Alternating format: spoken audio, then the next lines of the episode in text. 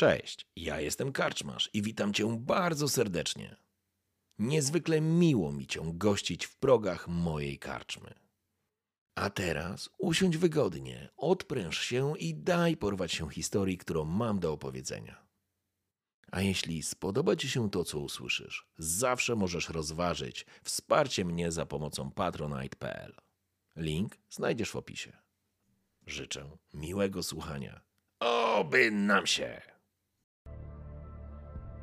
Dobry wieczór, witam wszystkich bardzo serdecznie. Jestem Karczmarz, wy jesteście w Karczmie, a ze mną są fantastyczni goście, bo dzisiaj będziemy grali w kolejną sesję kultu.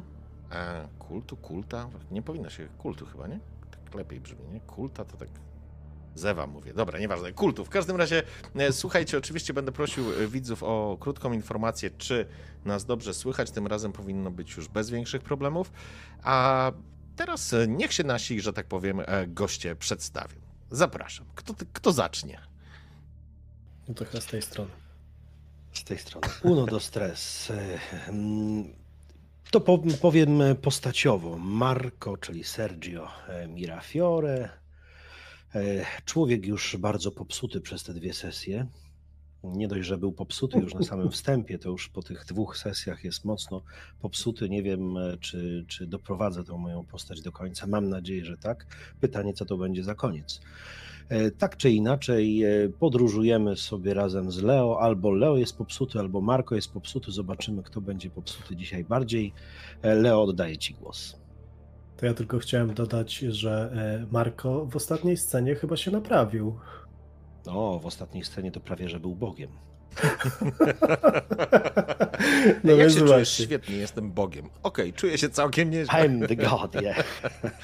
o, to nieźle. Wróciłeś do macierzy. E, tak, Leo, czyli ten, który podróżuje z tym, który e, lepiej się już czuje, no, czyli Marko. Mm. Leo też wydaje mi się, że coś odkrył podczas tej podróży i to nie jest tylko nazwa e, relikwii, e, którą wiozą ze sobą, ale też to, że zamierza po prostu wszelkimi sposobami osiągnąć cel. E, wszelkimi. No właśnie, to, to, jest, to jest dobre pytanie, ponieważ Leo nie widział tego, co widział Marko, bo pewnie gdyby zobaczył to Leo, to nie byłby tak zmotywowany, zdeterminowany do różnych działań jak e, w przypadku Marco, bo to jednak bardzo różne osobowości. Mm, ale mimo wszystko Leo cały czas jakoś chyba bardziej wierzy, że to, co się dzieje, jest bardziej przyziemne, a nie wykracza poza jakieś ramy rozumienia tego. Także jestem bardzo ciekawy e, pierwszej rozmowy z Marco, a, a też takiego patrzenia na Marko, jak on się zachowuje, co on mówi, co się tam dzieje. No, to tyle ode mnie. Czyli zapowiada się nam odcinek transcendentalny. Ojejku, no dokładnie, to będzie faktycznie, e, to znaczy ciekaw jestem jak to, ja sobie tylko jeszcze muszę czat odpalić, o, e, i, i wszystko powinno być git. E, zobacz, sam jestem cholernie ciekaw jak, e, słuchajcie, to wyjdzie, w którą stronę, że tak powiem, pojedziemy ostatecznie, ale to, to wszystko przed nami. E, słuchajcie, czaty, dajcie nam tylko znać, czy, czy nas dobrze słychać, czy powinno być wszystko ok z tego, co patrzam i, i powinniście nas słyszeć dobrze i powinniście słyszeć również muzykę. Jeżeli tak, to prośba, żeby żeby, żeby po prostu napisać, nie? I tam Egon, jak jesteś, to odpal po prostu kolejną ankietkę Dzięki, Koen. Siema w ogóle, Koen. E, I witam wszystkich, którzy w ogóle dotarli. Sarcio, tutaj na tym, na tym czacie nie działa ta komenda, także niestety rozczarowujesz się. Rozczarowuje, rozczarujesz się. Marco Undo Stres. Masz przerzut i się ciesz. Brak przerzutu nas, nas ciesz. Ok, zobaczymy. Egon rymuje. E, słuchajcie, dzięki piękny Egonik i lecimy, lecimy po prostu, bo dzisiaj e, musimy się, że tak powiem, dostać do e, Syrii. Taki jest plan.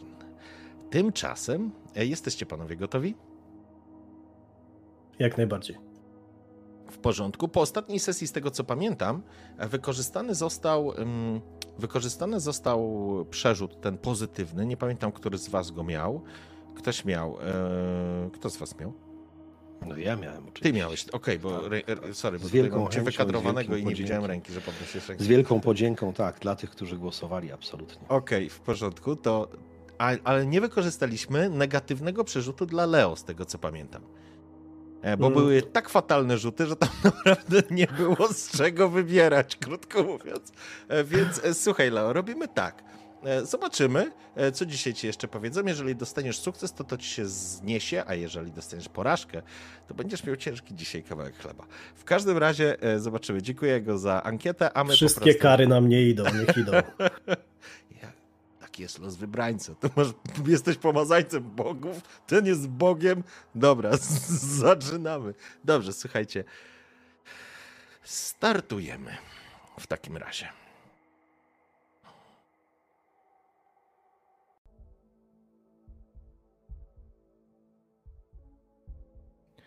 Noc w Istambule. Noc w apartamentach kramarza. Noc, która przyniosła wam, czy przyniesie wam wiele ukojenia? Powiedzmy. Przed samym zaśnięciem Leopold skontaktował się z Patrykiem. Marko?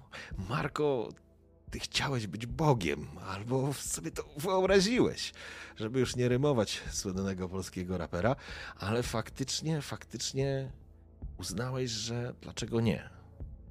Tak już zupełnie na poważnie nie masz nic do stracenia, więc dlaczego nie? Skoro i tak toczy cię śmiertelna choroba, to dlaczego nie? Apartamenty kramarza właściwie są przesadnie piękne. Są ociekają luksusem. Znajdziecie tam wszystko, na co macie tylko ochotę a pewnie to, czego nie znajdziecie, możecie zamówić przez telefon, ale jest już późna noc, a wy wiecie, że z samego rana musicie ruszać dalej. Przed wami odcinek, który ma prawie 1200 km. Musicie dojechać do granicy syryjsko-tureckiej, do miejscowości Jajla Dagi. I tam znajduje się znajdziecie człowieka, który, który was prze... Przepraszam, śmieję się, bo macie znowu remis. Eee, jak on przekazał 500 punktów kanału, pewnie, żeby ten remis wybić, więc e, panie Marco Cazotto, będę chciał, żebyś sobie rzucił K10, wybrał, czy, czy będą to parzyste, czy nieparzyste. I jeżeli wygrasz, to masz przerzut, a jeżeli nie, masz pech.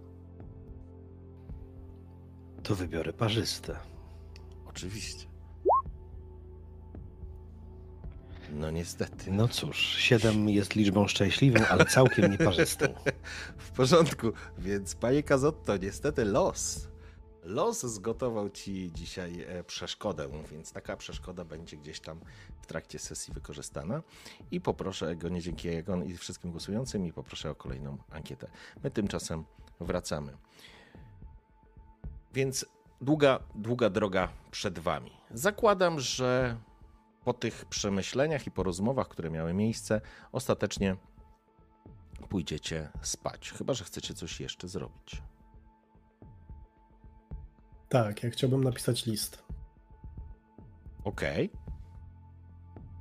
Mhm. W takim razie, tak, mogę opisać teraz tą sytuację? Dobra.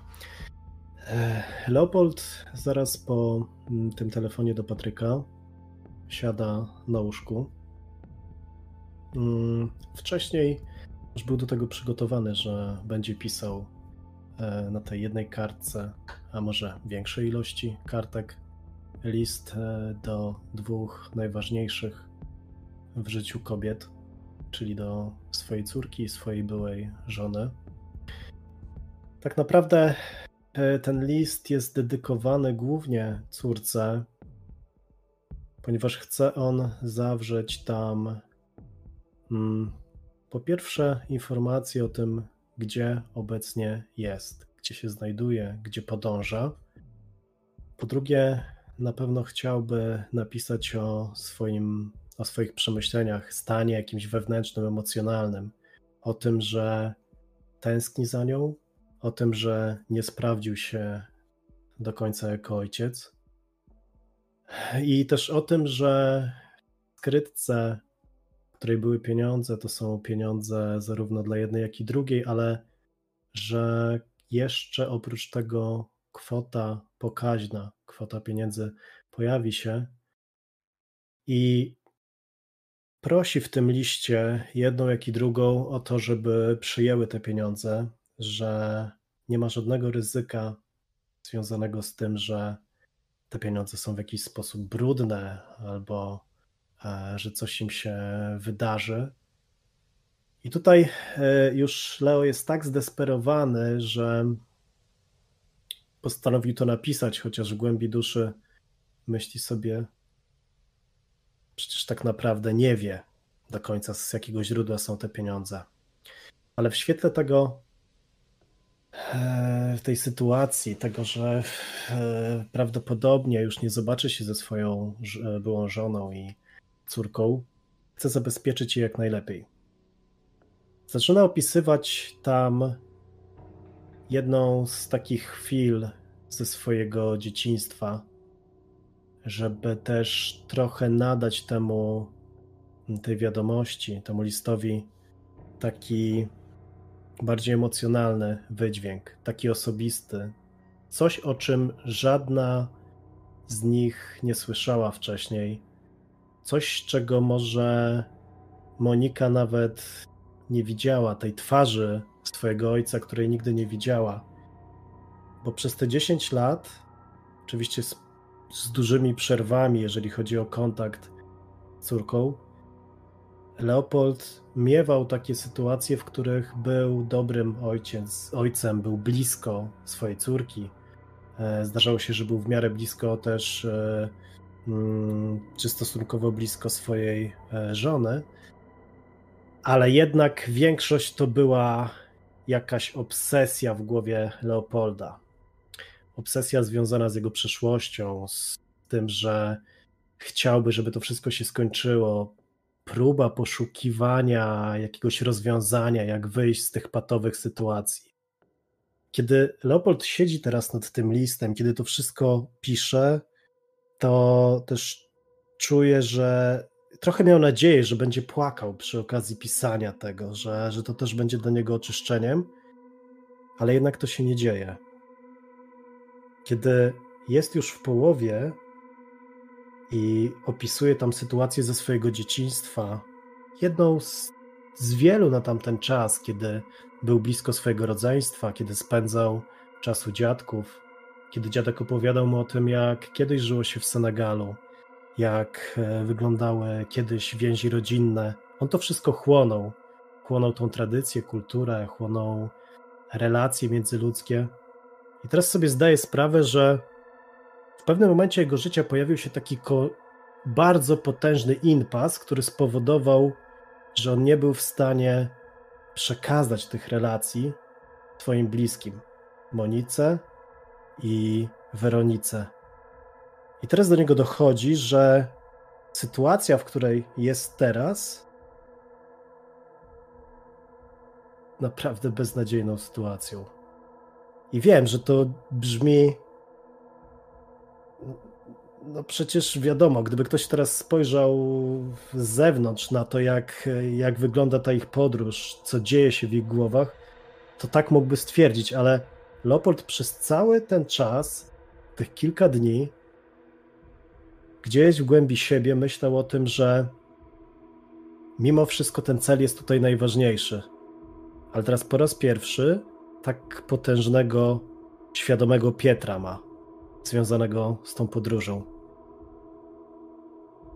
Wręcz w momencie, kiedy już w połowie tego listu ręka, ręka po prostu razem z tym długopisem staje na kartce i, i on nie wie, co dalej napisać, ma kompletną pustkę w głowie, to kończy ten list, urywa po prostu zdanie i kiedy Weronika, bo Weronika pierwsza przeczyta ten list, będzie go czytała, to od razu wyczuje, że jest na skraju załamania. Że być może był na skraju załamania, bo kiedy ten list dotrze do niej, już na pewno będzie po 4 sierpnia. Czyli po tym dniu, w którym muszą dotrzeć do konkretnego miejsca. I teraz Leopold bierze za, mm, za telefon, ten stacjonarny, który jest e, tutaj w tym pokoju, i prosi recepcję, czy jakąś tutaj y, osoby, które pracują tutaj w tym, w tym miejscu, prosi jeszcze o alkohol. Jakiś mocniejszy, być może ten, który właśnie wcześniej stał na stole.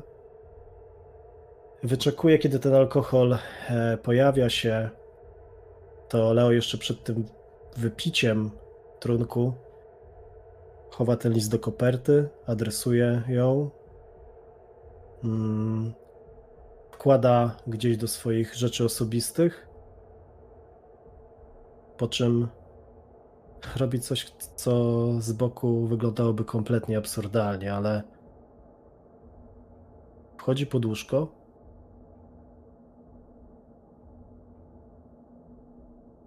I po prostu tam siedzi. Siedzi, wahając się między tym, czy sięgnąć po ten alkohol, czy po prostu dotknąć po raz kolejny tego dna. A być może rano znajdą go tu już martwego. Może Marko. Może dla Marko będzie to sygnał, że żeby jednak uciekać stąd, żeby jednak zostawić ten transport a może teraz właśnie powinien wstać i pójść do Marko i powiedzieć mu, żeby uciekali. Ale on w tym momencie ma taki dojmujący paraliż, który powoduje, że przez najbliższą godzinę, może dwie, nie będzie wychodził spod tego łóżka, a ta butelka będzie stała na ziemi i będzie go zapraszała do siebie. Będzie tak jak kiedyś, do niego potencjalnym ukojeniem. Więc on tej nocy nie prześpi. Co więcej, ilość myśli takich destrukcyjnych, autodestrukcyjnych, które rodzą się teraz w jego głowie, jest naprawdę potężna. Począwszy od tego, że żeby się po prostu zapić, skończywszy na tym, żeby iść w miasto, zrobić coś kompletnie durnego, gdzieś wejść w jakąś uliczkę i już z niej nie wyjść, kończąc na tym, żeby po prostu uciec stąd. Ale on nie wychodzi spod tego łóżka. Siedzi jak takie przestraszone dziecko, które w tym momencie nawet nie ma do kogo się zwrócić. I wie oczywiście, że Patryk się chce, że chce się z nim spotkać, że pewnie nawet dojdzie do tego spotkania, ale myślę, że on podskórnie, Leopold podskórnie myśli, że to będzie dodatkowy cios dla niego. Że Patryk ma coś do powiedzenia, co może kompletnie nie myśli o tym, że przewartościować, ale że może kompletnie mimo wszystko wpłynąć na to, czy jeszcze będzie chciał zostać w tym świecie. Więc on leży i patrzy tak przed siebie tempo. I w tym natłoku myśli, tych wszystkich wspomnień, tego wszystkiego, co przelałeś na kartę, ale przede wszystkim dlatego, że wieczorem, będąc gościem kramarza, zdecydowałeś się sięgnąć po flaszkę z alkoholem, z tego co pamiętam, Będę chciał, żebyś sobie rzucił kością na weź się w garść. Um, informuję cię, że dostałeś brak przerzutu, czyli masz dwa braki przerzutu na dzisiaj, mój drogi. I jeśli rzucisz sukces, mm, to będę prosił, żebyś jeden z nich wykorzystał. Zapraszam. Porażka. Coś czuję, że na finałową sesję będziesz miał trzy przerzuty e, negatywne. Dobrze, w każdym razie. Mm, Leo, siedzisz faktycznie pod tym łóżkiem, patrzysz na tą postawioną flaszkę jakiegoś drogiego alkoholu, kiedy tylko zadzwoniłeś, nie było absolutnie dla ciebie żadnego problemu, właściwie dla recepcji. Jesteś gościem z apartamentu i to jest oczywiste, że zaraz dostaniesz wszystko, czego potrzebujesz. Było ciemno i Stambuł żył, podobnie jak inne wielkie metropolie. Gdzieś dochodziły dziwne dźwięki. Może jakieś imprezy? A może to te dziwne dźwięki z tych sal kramarza? Srebrzysty blask księżyca wpadający przez okno oświetlał flaszkę drogiego alkoholu. Córka, żona, wydarzenia Patrick Marco to coś w kontenerze. Te dwa przeklęte kursy między Włochami a Grecją i Grecją a Istambułem. A później słyszałeś zgrzyt odkręcanej flaszki, a później kryształowy refleks, właściwie blasku księżyca w kryształowej flaszce, rzucał zajączki gdzieś a później wypełniało cię kojące, kojący alkohol, wypalający gardło. Później już niczego nie pamiętałeś.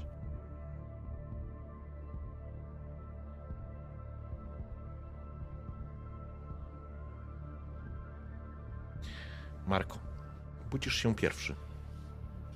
Jest przed To ja może jeszcze zamiast, Aha. zanim, zanim okay. się obudzę, to jeszcze powiem, jak wyglądała reszta, reszta nocy. Marko myślał, że nie zaśnie. W końcu to jest całkiem normalna nienormalność, Marko, że sen nie przychodzi tak łatwo, ale nie tym razem. Marko zaczął uświadamiać sobie, że Jawa ze snem w jego głowie jest jednym wielkim, pożenionym ze sobą organizmem. Że, że może nawet wpływać na swój sen, a może to, co widzi w realu, jest snem, a może jego sen jest całkiem realny. Przecież wielu z tych rzeczy Leo nie widział. Przecież tak naprawdę Leo nie widział, co jest w kontenerze. To tylko ja, Marko. Widziałem to, co jest w kontenerze. To tylko ja, Marko. Widziałem, co było dookoła w tym całym pięknym świecie kramarza. I w tym zanurzeniu trudno powiedzieć, czy zasnął, czy czuwał, ale w pokoju Marko zaczęły się pojawiać postaci, które do tej pory były jego koszmarami. Ciotka, wuj, matka, ojciec, wszyscy bez oczu. Sebastiano wyciągający rękę. A Marko tylko się śmiał. A Marko wiedział, że ta iluzja i to, co widzi, Non frega un cazzo. Nic mnie to nie obchodzi. Nic mnie to nie obchodzi. Sono un dio. Jestem Bogiem. Nic mnie to nie obchodzi. Widziałem już tyle merda malata, tyle chorego gówna i na żywo, i we śnie, że wszystko razem. Mogę tym rządzić. Jeśli będę chciał, powiem wam wszystkim wafankulo. Wypierdalać stąd. Zostanę tu sam. Zostanę tu sam i będzie mi dobrze. Wszystko działo się w pokoju hotelowym. To wszystko działo się w hotelowym pokoju Marko. Te postacie wychodziły z szaf, wychodziły gdzieś z cieni, wychodziły gdzieś z zakątków on leżał, a może siedział na łóżku, może spał, a może to było całkiem realne, może to było tylko w jego głowie. Wszystkim postaciom mógł ze spokojem śmiać się w kułak. Pierwszy raz czuł, że nie przerażają go, że, że całkiem odpoczywa. Sono un Dio. Jestem Bogiem. I w tym momencie, kiedy powiedział to jeszcze raz na głos, to nie z łóżka, na którym leżał, ale z tego dodatkowego w tym pokoju. to łóżko się poruszyło. A spod łóżka wyszedł jakiś kształt. W tym niewielkim świetle, które rzucała lampka nocna, to niemożliwe, bez sensu. Czemu nie jesteś w swoim pokoju, Leo? Czemu nie jesteś w swoim pokoju? Czemu do cholery chowasz się pod tym łóżkiem? Czemu się chowasz pod łóżkiem? Postacie znikają, jedna po drugiej. Zostaje tylko Leo, który wstaje z podłóżka, cały mokry. Mokry, jakby dopiero co wyszedł z wanny, ale nie w ręczniku. On wygląda jakby w ciuchach, w wannie. Leo, do cholery, wypierdalaj z mojego pokoju. Stoi w kałuży. Ocieka wodą, jakby, jakby wyszedł ze strumienia, może z morza, jakby, jakby jego ponton się przewrócił. Do cholery, co ty tu robisz, Leo? A Leo w jego śnie, a może w realu, a może tylko w jego głowie, patrzy na Marko. Nic nie mówi i tylko kiwa z negacją głową. Vaja farti fotere, Leo. Idźcie pierdol. Sono un dio, rozumiesz? Jestem Bogiem. A Leo w jego śnie, a może w realu, a może tylko w jego głowie, kiwa z negacją głową.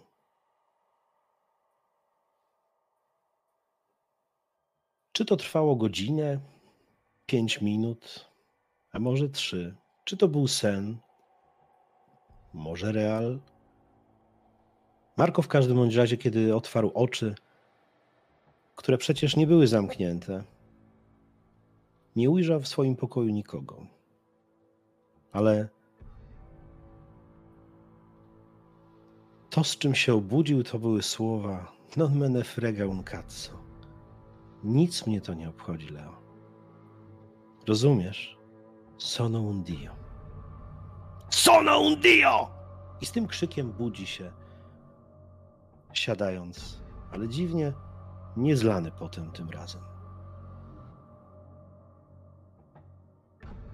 Podnosisz głowę, właściwie siadasz na tym łóżku. Zaczyna świtać. Może i tak, jest przed szóstą. Słońce już gdzieś wstało, na, na pewno nad zatoką. Miasto już się budzi. Czujesz się, jakbyś nie spał, ale wiesz, że spałeś.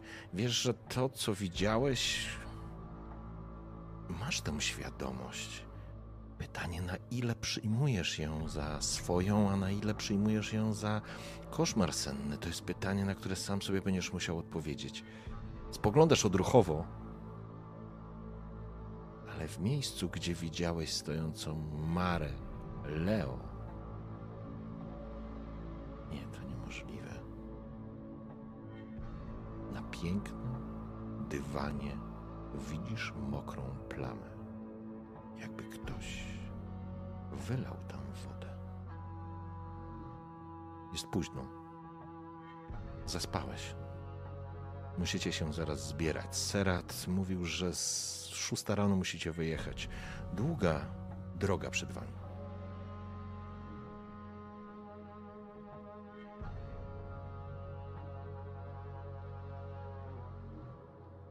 Otwieram oczy. Oj nie, Leo. Leo na pewno nie otwierasz. To, co Leo słyszysz, to pukanie do drzwi. Najpierw delikatne, a potem właściwie walenie pięściami. Marko wstał. Tak, przepraszam, zdecydowanie. Ogarnąłeś się szybko, ale waliłeś do drzwi. Po prostu waliłeś. Pukanie nie dawało. Dzwonienie na telefon, zresztą nie znasz numeru. Nie ma teraz tego, nie ma telefonu, Leo, tak naprawdę. E, dzwonienie na wewnętrzny numer do pokoju nie dawało efektu. Dochodzi szósta, a ty po prostu walisz już. I to jest ten moment, kiedy Leo gdzieś na granicy świadomości masz wrażenie, że trwa wojna. Jakieś wybuchy, gwałt, wrzask. I dopiero dochodzi do ciebie, że ktoś wali do drzwi. Po prostu wali i jest to kazotto, bo wrzeszczy do ciebie, próbuje cię obudzić. Głowa ci pęka, masz w ustach kapcia totalnego. Dostrzegasz, że leżysz w wymiocinach. Dostrzegasz, że są pobite butelki. Pamiętałeś jedną, ale to nie jest jedna butelka, Leo. Leży kilka pobitych flaszek. Jedna do połowy dobi- dopita. Nie wiesz, ile wlałeś w siebie. Ale zaczynasz wracać do siebie.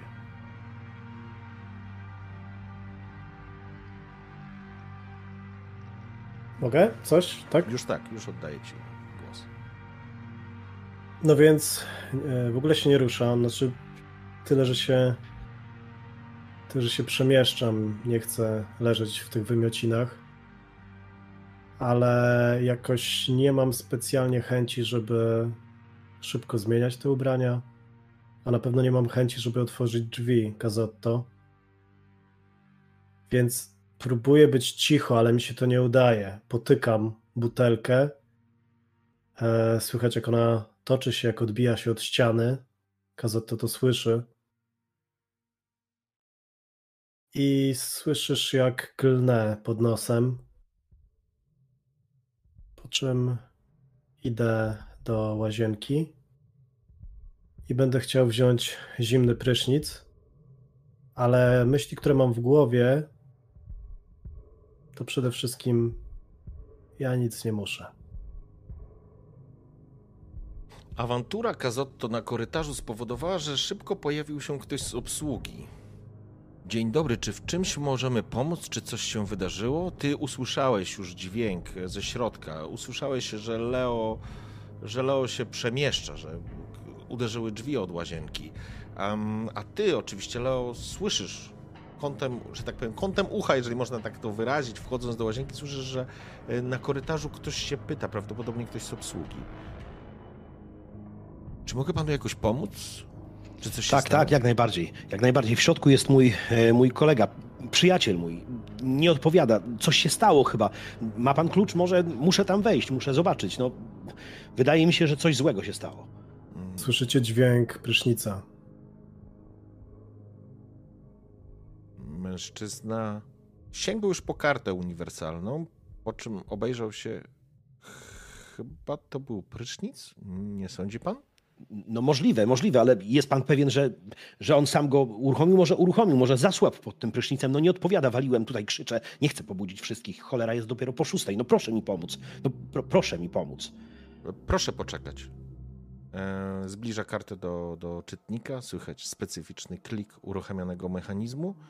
Otwiera delikatnie drzwi, wkłada tylko głowę. Nie wchodzić! E, przepraszam, obsługa. Wszystko w porządku? Nie wchodzić! O, Leo, to ja. Leo. Mężczyzna spogląda się na, na ciebie, e, Kazotto, nie bardzo wiedząc, jak się zachować. Wkładam e, specjalnie but między drzwi a framugę, tak żeby nie, nie udało mu się zamknąć. Z zapazuchy wyciągam jakiś banknot. Wszystko jedno jaki. W, mhm. wsuwam, wsuwam pod e, zapołę marynarki. Dziękuję panu bardzo. Dziękuję panu bardzo. Zaraz się zajmę przyjacielem. Mężczyzna skłania się, po czym odchodzi. Spoglądając się jeszcze z ciekawością.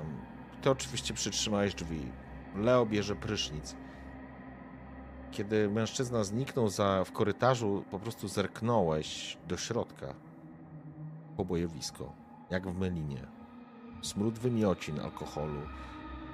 Jeżeli palisz, Leo, chyba palisz z tego co pamiętam. Kiepy w szklankach, przypalony dywan. Masakra.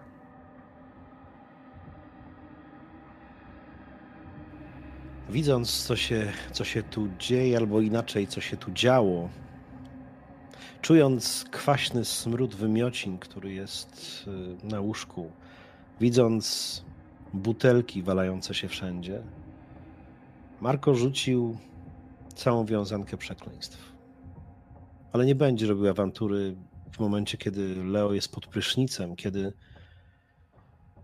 kiedy być może to jest jedyny moment, kiedy wytrzeźwieje, kiedy będzie można z nim normalnie porozmawiać. Wściekłość ogarnia go całego od czubka głowy do pięt, bo już jest późno. Ale w takim stanie, jakim, do jakiego doprowadził się w nocy, na pewno nie bylibyśmy w stanie pojechać, więc siadam gdzieś na krześle, przesuwam sobie krzesło.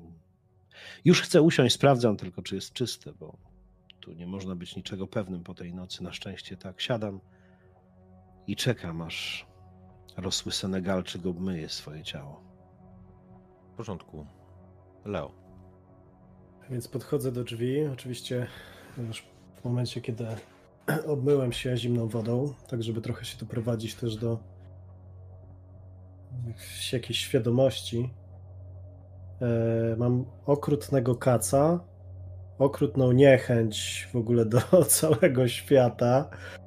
Głowa moja waży w tym momencie z 50 kg. Staję przy drzwiach, jeszcze ich nie otwieram, jestem w środku e, i nas tak przysłuchuję się. Widzisz mm, w takiej niewielkiej szybce, że stanąłem właśnie za nią. Po czym naciskam klamkę i nie patrząc w kierunku Marko, e, owinięty ręcznikiem, idę, staram się ominąć te butelki, te szkła. E, idę w kierunku mm, balkonu i otwieram go. Kiedy patrzę na Leo, który pojawia się w okrągłej szybce, naciska klamkę, już mam na końcu języka cały stek. Imbecile, deficjento, un cretino, debilu jeden, przecież jest szósta. Już mu chcę to wszystko wysunąć, kiedy widzę, jak otwiera drzwi, wychodzi cały mokry w ręczniku i zostawia za sobą na wykładzinie mokre ślady stóp.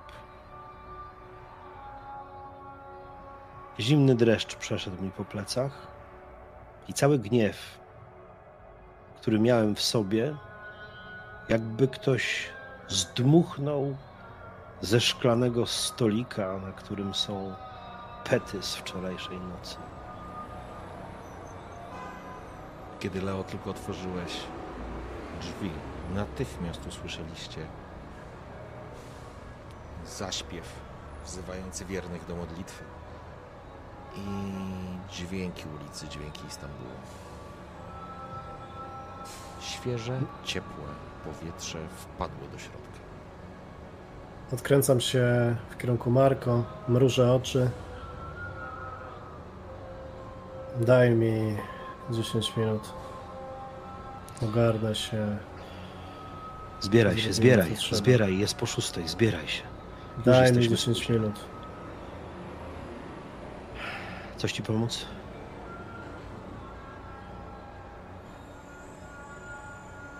Czekam na ciebie na korytarzu. Wstaję powolnym ruchem, wychodzę na korytarz hotelowy i zamykam za sobą drzwi. Gdyby nie te mokre ślady, które mijam po drodze, najchętniej trzasnąłbym tymi drzwiami, żeby wyleciały z framugi. Jakoś dziwnym trafem zamykam je po cichu, jak dobry kulturalny Włoch. Schodzisz pewnie na dół do stołówki, może wypić kawę, zjeść jakieś śniadanie, czekając na Leo. Trzeba jakoś to wykorzystać. Pytanie, panowie. Mm, będziecie musieli się spotkać jeszcze z Seratem, zanim wyruszycie w drogę? Czy chcecie coś jeszcze mm, przekazać, czy po prostu spotykamy się na stołówce? Ja zbieram e, swoje rzeczy, zgarniam e, te szkła po prostu na kubkę. Wszystko, mm, wszystko zgarniam na kubkę. Nie wiem, nie bawię się jakoś specjalnie w tym momencie, nie mam na to czasu, żeby to zbierać e, do kosza, do, do jakiejś torby i tak dalej. Zostawiam mimo wszystko, no nie zostawiam tego pokoju tak całkowicie rozpieprzonego. Staram się chociaż tak pozornie poustawiać, e, poustawiać krzesła i tak dalej. Mm, biorę swoje rzeczy i faktycznie w ciągu tych 10 minut już powiedzmy ogarnięty jako tako z takim ssaniem żołądka i naprawdę potężnym bólem głowy i też e, tak światłoczułością, problemem w ogóle, tak. światłowstrętem, tak. Po prostu schodzę, schodzę na dół. W porządku. Znajdujecie się w dużym lobby, właściwie nie lobby, a stołówce, która chyba to jest jakiś kompleks hotelowy również. Kazotto siedzi przy jednym stoliku, pięknie zakryty, nakryty białym obrusem. Piękna w ogóle lokalizacja. Nie wyszedłeś na zewnątrz, jesteś w środku klimatyzowany, już robi się ciepło. A kiedy Leopold dociera do ciebie, rozglądasz się, jest szwedzki bufet, możesz sobie coś nałożyć, ale to jest ten moment, kiedy również pojawia się Serat. Idzie w waszą stronę, uśmiechając się delikatnie na dzień dobry. Kłania się wam. Dzień dobry. Buongiorno. E, tak powinienem powiedzieć, prawda? Bywał lepszy.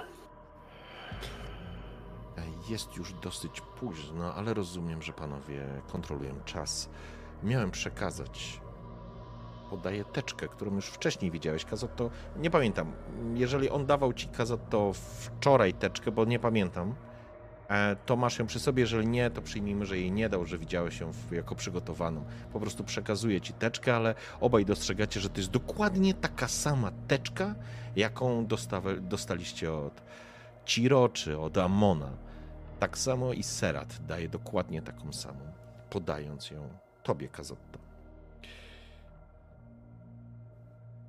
Siada przy stoliku, czekając aż Leo sobie coś nałoży i przyszedł, kiedy usiadłeś przy stoliku, wraca do rozmowy.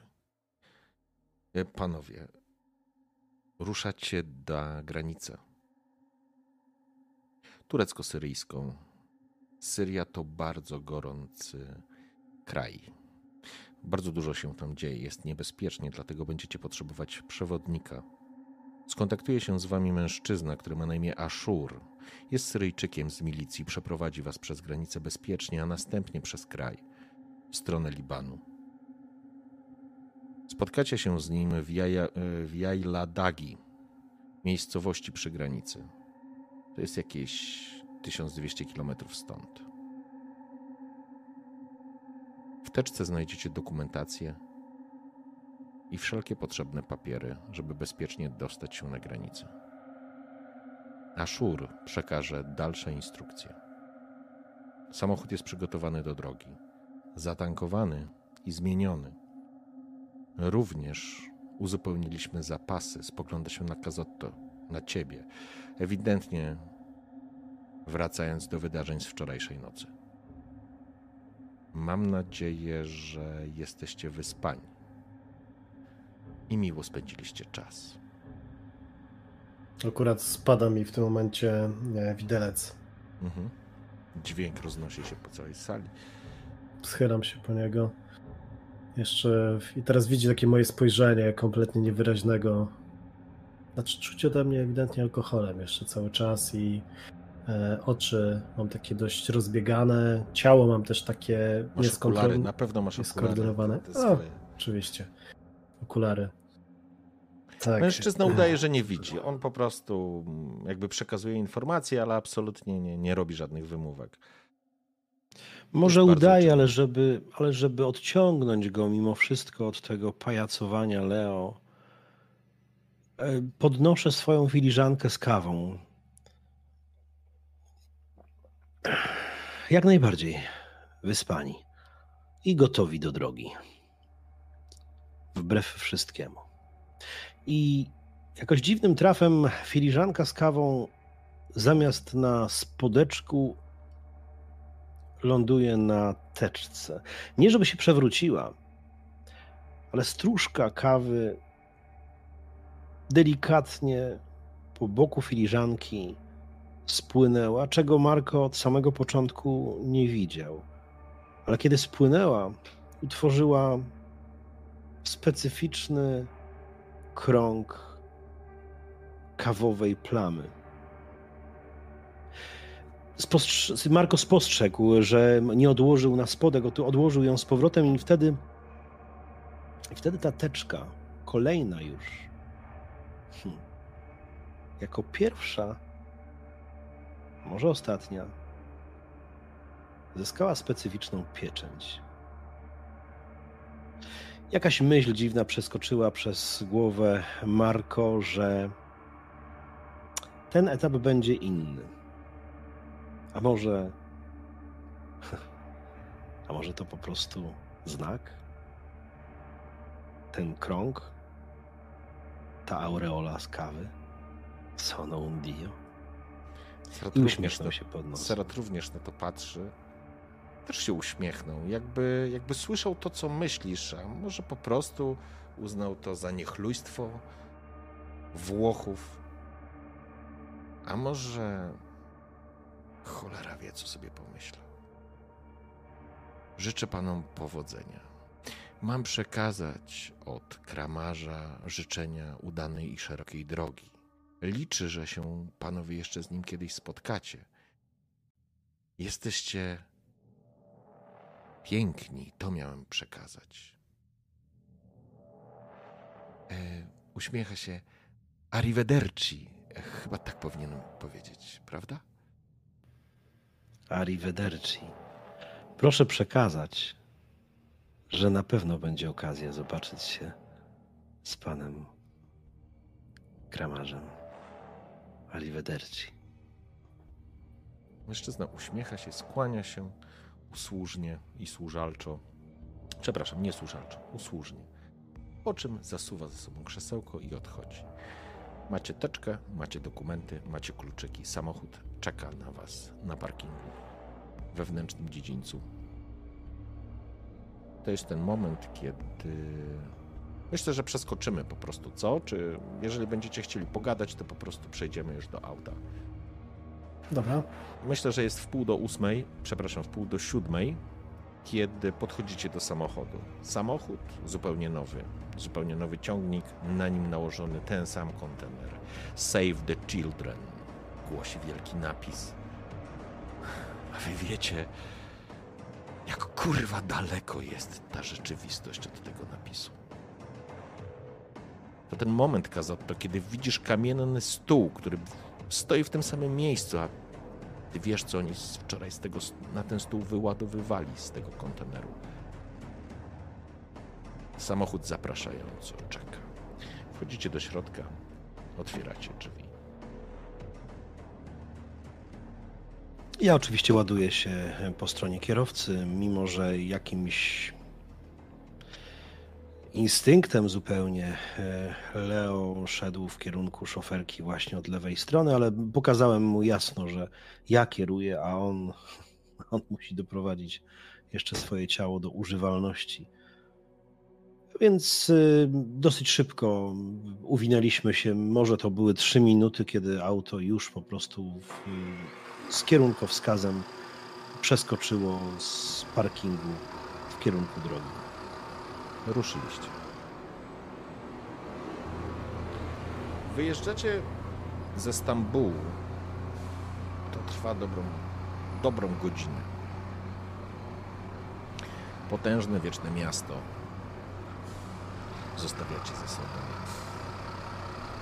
Minarety błękitnego meczetu, High Sofii i wielu innych jeszcze kultowych miejsc, które warto byłoby kiedyś zobaczyć. Ale teraz zostawiacie to za sobą. Droga jest długa, a wy opuściliście wieczne miasto.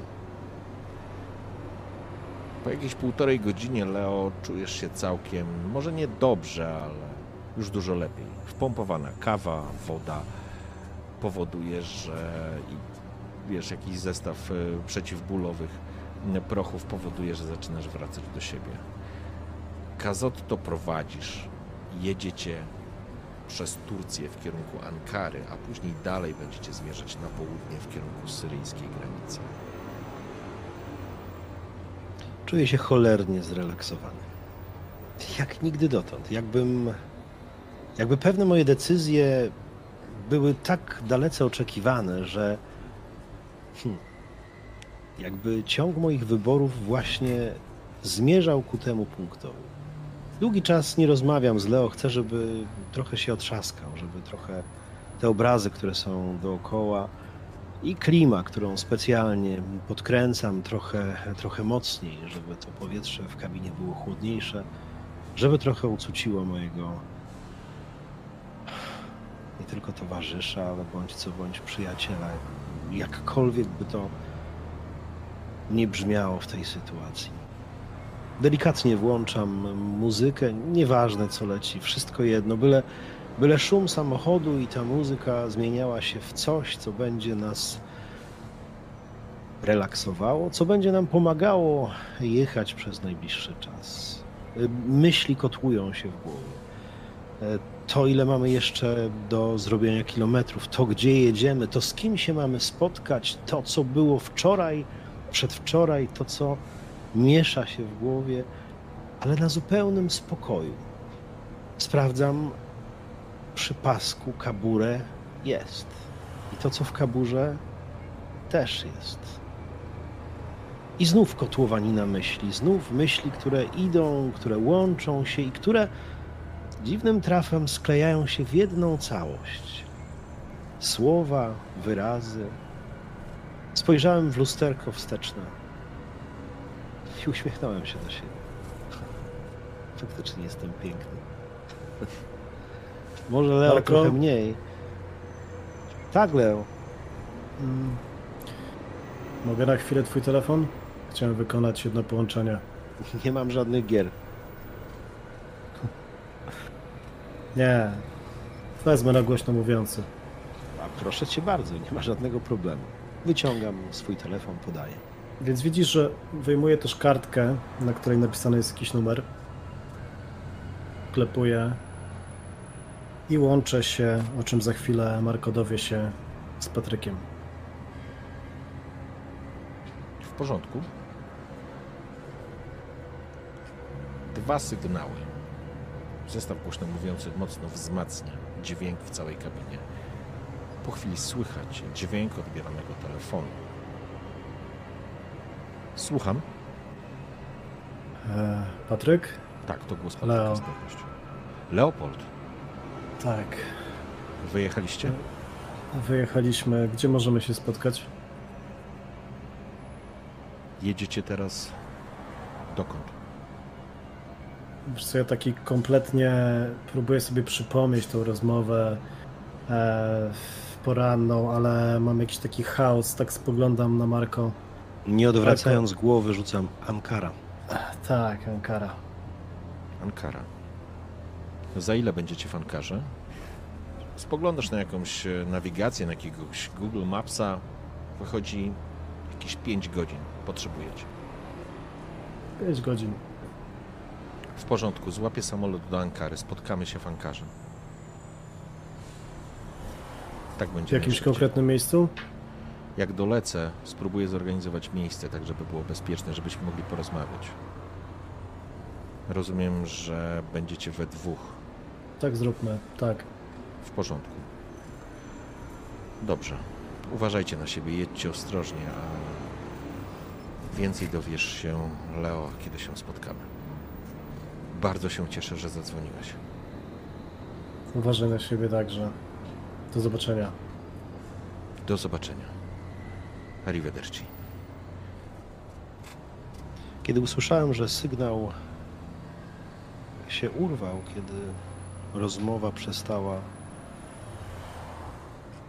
zabierać czas Leopoldowi, nie obracając się do niego, tak jak kilka chwil wcześniej, kiedy powiedziałem Ankara, rzuciłem a po cholerę, Leo, po cholerę. Każdy może się mylić. Mam przeczucie, że to dobry pomysł. Że się teraz mylimy? Nie. Wcześniej jakoś w przypływie tych rzeczy, które się działy. W krótkim czasie, dużej ilości, Patryk wydawał mi się jak nie on, ale. Jak pomylony. Jak ja, tak, ja jestem pomylony. Ma, ha, ha, ha. Ja też jestem pomylony. Wszyscy jesteśmy pomyleni. Skąd wiesz, że Patryk nie jest bardziej pomylony od nas? Tak. No dobra, nie odpowiadaj. Powiedz mi, czego oczekujesz od tej rozmowy?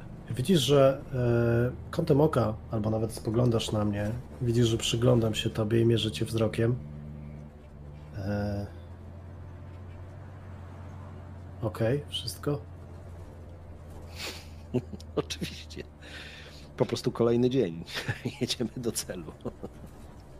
Masz nad wyraz dobry humor.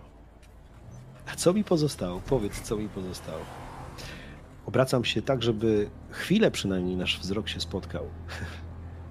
Jesteśmy piękni, wiesz?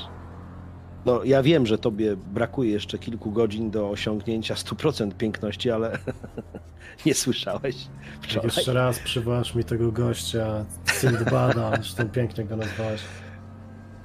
Nie Ale coś w tym jest. Wiesz, I chyba wyskoczę przez szybę, bo naprawdę Proszę nie cię. widziałem, Proszę nie widziałem cię. bardziej popieprzonego gościa w życiu, słuchaj.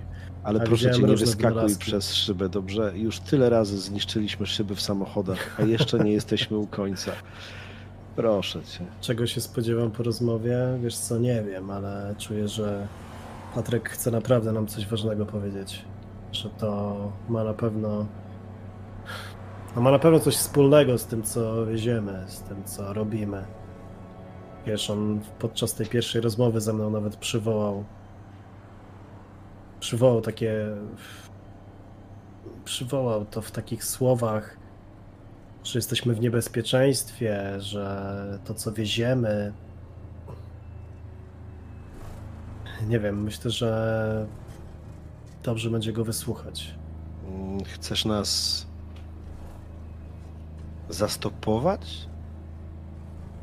I mówiąc to, Marko całkiem podświadomie naciska gaz troszeczkę mocniej. To nie jest żadne rwanie silnikiem, ale, ale da się wyczuć, że jedziemy troszeczkę szybciej.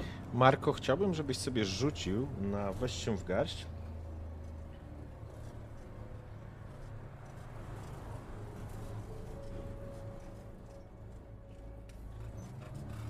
E, przepraszam, zanim rzucisz, E, modyfikator minus dwa. Żeby nie było za prosto. No, cóż. W porządku. To jest ten moment, kiedy, kiedy po prostu chcesz nas zatrzymać i w tym samym momencie Lot dostrzegasz, że na tej uśmiechniętej twarzy, która jeszcze przed chwilą żartowała z tego, że potrzebujesz jeszcze chwili, żeby być pięknym, jego twarz, jego oblicze zaczyna się momentalnie zmieniać. Jakby, jakby coś zmazało jego uśmiech i zastąpiło to mocnym poczuciem złości, takiej jakby coś pchało cię, Kazotto jakby coś nie pozwalało ci się zatrzymać, nawet w żartach. Dociskasz ten gaz, ale nie ledwie wyczuwalnie. Samochód szarpnął, kiedy wcisnąłeś gaz do dechy. Złość i wściekłość irracjonalna na poziomie tego, co on przed chwilą powiedział, albo to, co sobie przewidziałeś, to, co sobie. Nie, to, co sobie dopowiedziałeś, Kazot powoduje jakąś irracjonalną złość, jakąś twoją niechęć do tego, żeby w ogóle cokolwiek ryzykować. Silnik zawarczał, zaryczał, kiedy Kazotto wcisnął gaz do dechy. Masz wrażenie, jakby coś szeptało ci do ucha, Kazotto. Jedź i nie zatrzymuj się. Dostrzegasz to, Leo. Zmiana jest natychmiastowa i momentalnie znasz Kazotto zbyt długo, żeby nie widzieć jego natychmiastowego zmiany nastroju. Wiesz co, nie komentuję tego. Nie, nie komentuję tego zachowania, ale kiedy mija tak około minuty, mówię, widząc po prostu co się dzieje, że on dał, e, że szarpnęło tym samochodem i że dał e, więcej mocy, e, mówię takim trochę nie do końca mm, jakby odważnym głosem, odważnym, nie do końca jakby zdecydowanym głosem. Mówię 10 mm, minut nas nie zbawi.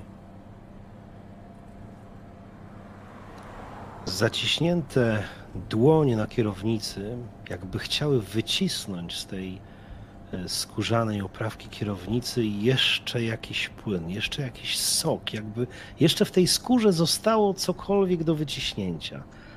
A może bardziej wyciska swoją własną szczękę i z pomiędzy zębów zaciśniętych Leo słyszy tylko Wafankulo, kawolo. Pierdalaj, dobra?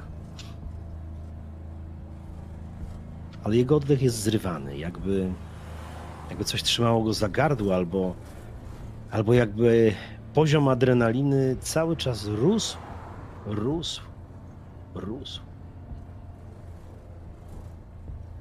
Nie reaguję na to. W żaden sposób tego nie komentuję. Po prostu patrzę, co się dalej będzie działo. Okej. Okay. Kilka minut y, trwało właściwie w tym nagromadzeniu, w momencie, gdyby, gdyby człowiek miał jakikolwiek ląd, albo gdyby ląd można było przykleić do ludzkiego ciała, ten od razu zająłby się momentalnie ogniem, momentalnie zacząłby się palić. Tak czuł w sobie Marko. I kiedy kilka minut takiego napięcia powoli mijało,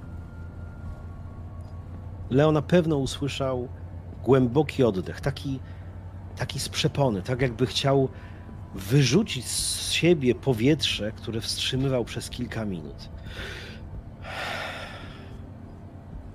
Emar, no no paura. No no paura. Comprende. Nie boję się.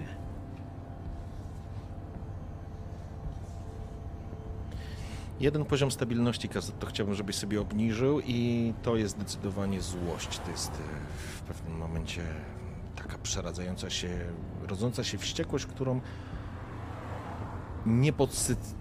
sprytnie niepodsycana przez Leo, ona po prostu wypaliła się, ale to wpływa na cały twój nastrój. Jedziecie w milczeniu tylko jedną kwestię, tylko mam mhm. taką jeszcze kartowo-postaciową, bo tego nie zrobiliśmy po nocy.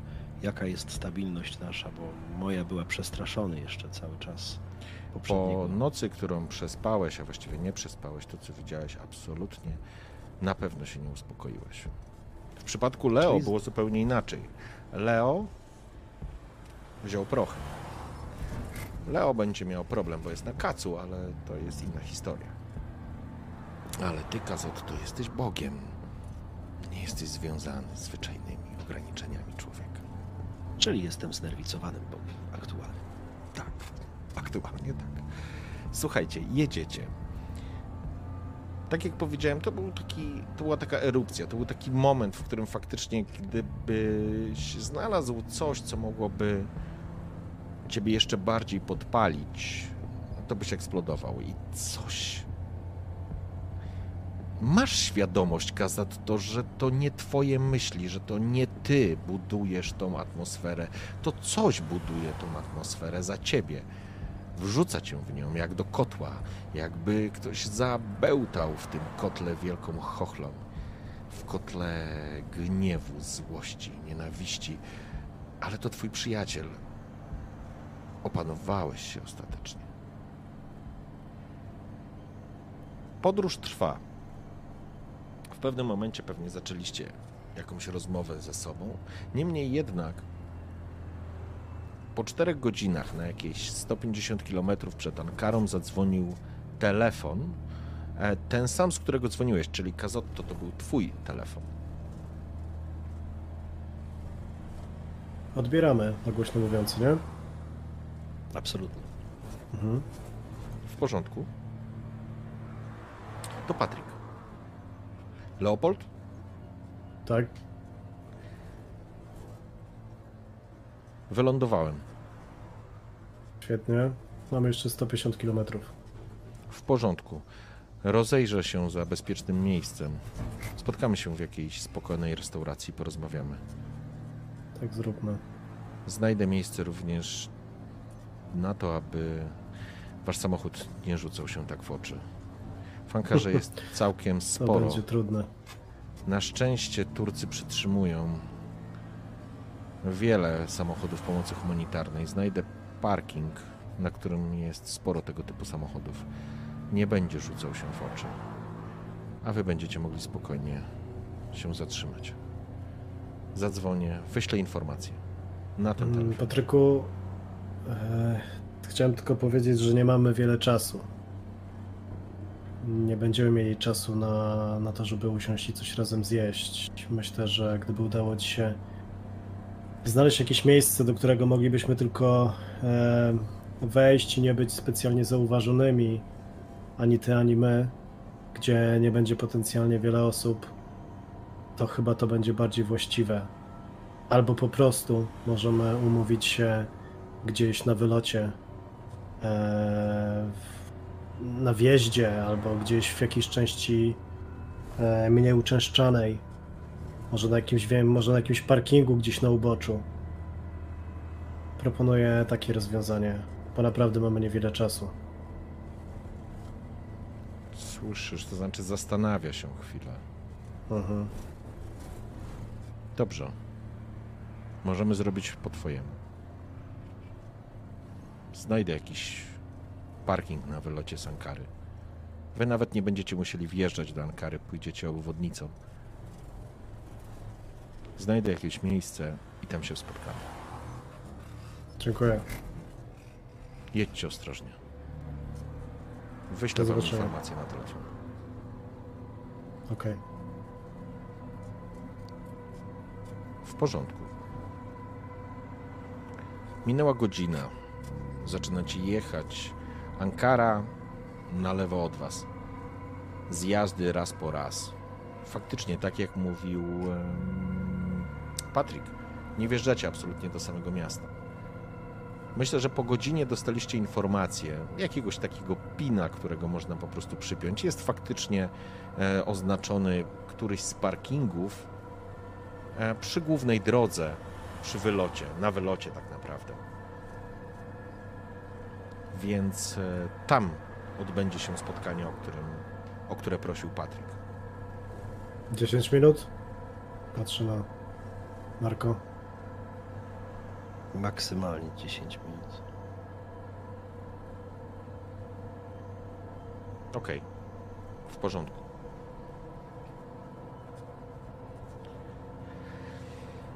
Miejsce spotkania to faktycznie parking. Trudno powiedzieć, żeby nie był uczęszczany. Jest bardzo gorąco. Jest przełom lipca i sierpnia, więc mamy godzinę 12 po 12, właściwie koło pierwszej, może w ten sposób. Więc jest cholernie gorąco. Samochody zaparkowane rzędami, ciężarówki, samochody osobowe. Również gdzieś pojawiła się jakaś policja, ale, ale to mało istotne. Jest zjazd, jest stacja benzynowa, jest gdzieś tam w oddali jakaś restauracja, ale są również takie miejsca, w których można usiąść i odpocząć. Wjeżdżacie samochodem na ten parking. Znajdujecie jakieś miejsce i po prostu parkujesz Kazotto.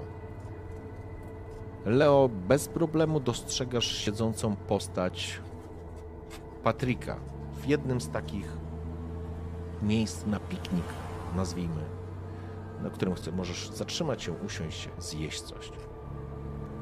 Wiesz co, no w tym momencie czuję takie spięcie w środku.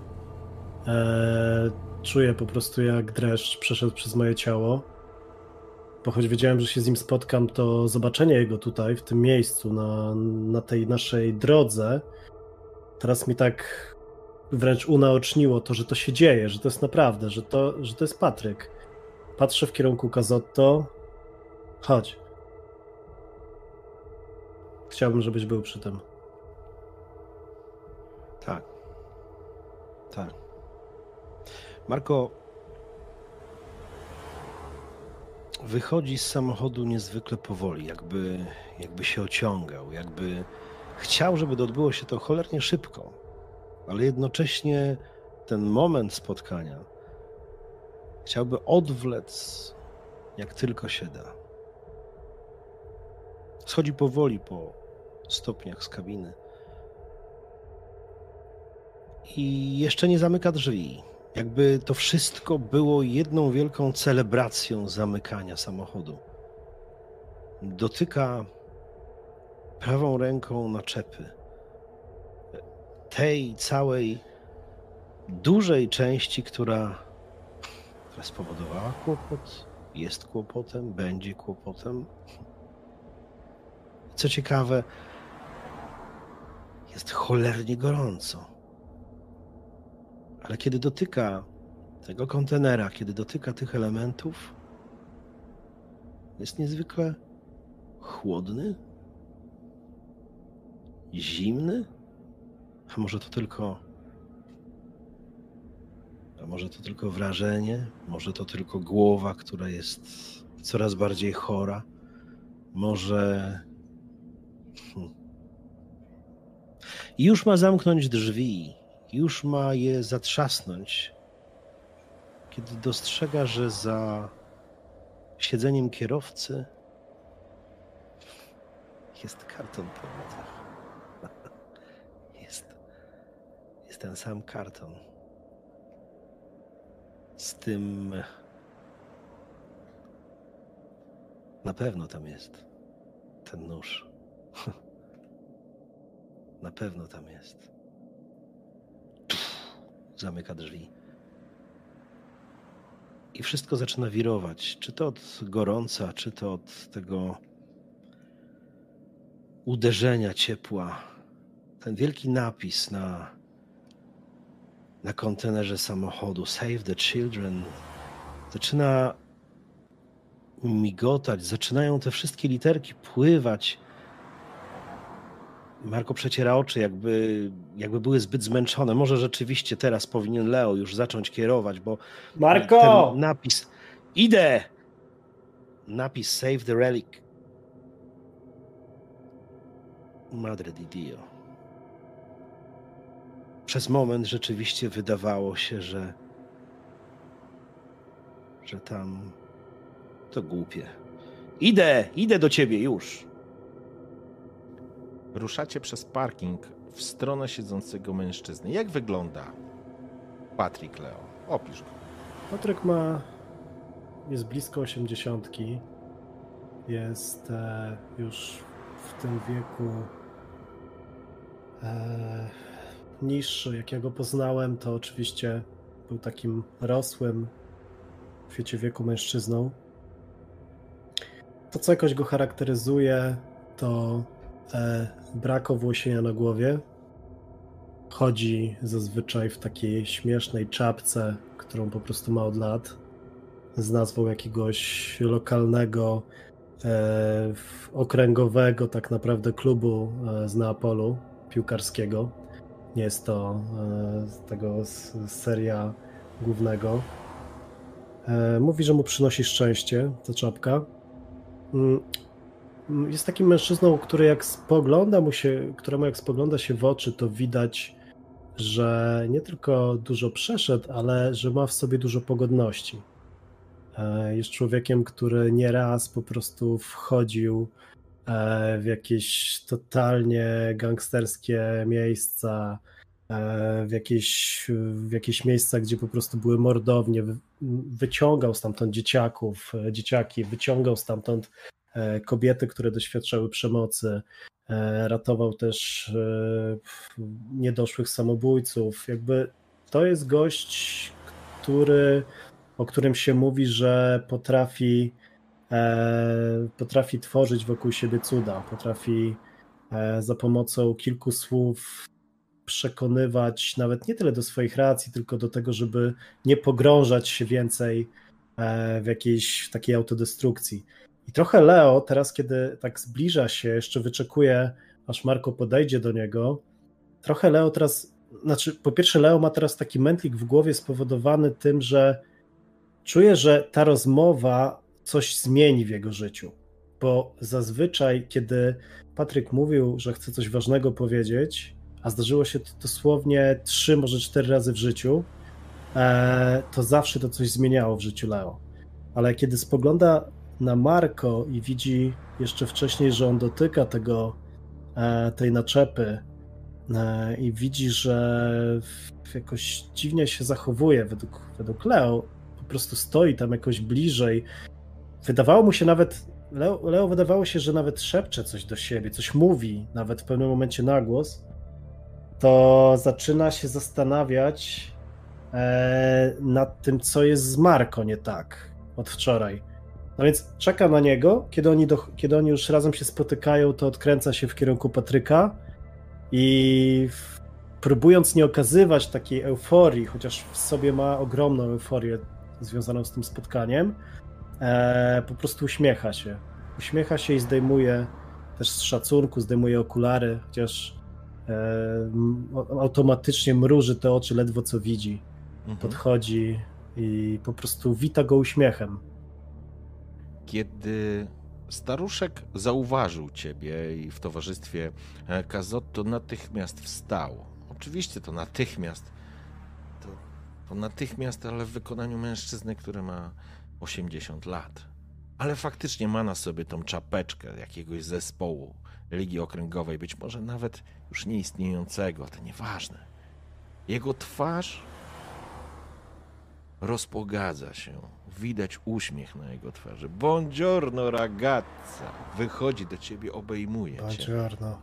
Jest dużo niższy, drobniejszy, ale nieraz już się przekonałeś, że to jest złudne, że siła tego człowieka tkwi w zupełnie czymś innym.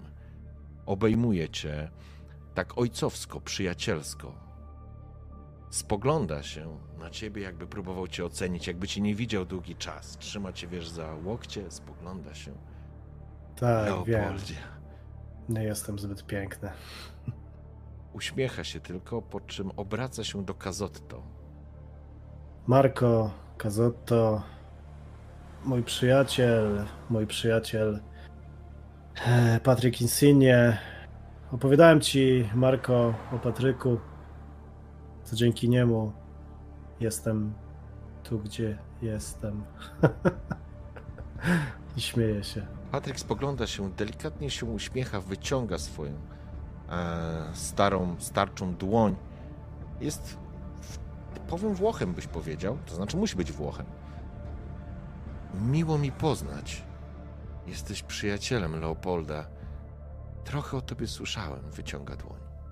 A i Patryk zawsze reaguje, jak ktoś w jego towarzystwie mówi o tym, że ludzie starzy i tak dalej, to on mówi, nie mówi się w ten sposób, mówi się wcześniej urodzeni. Za każdym razem po prostu poprawia ludzi. Okej. Okay. Z dużą powściągliwością Marko wyciąga swoją rękę w kierunku Patryka.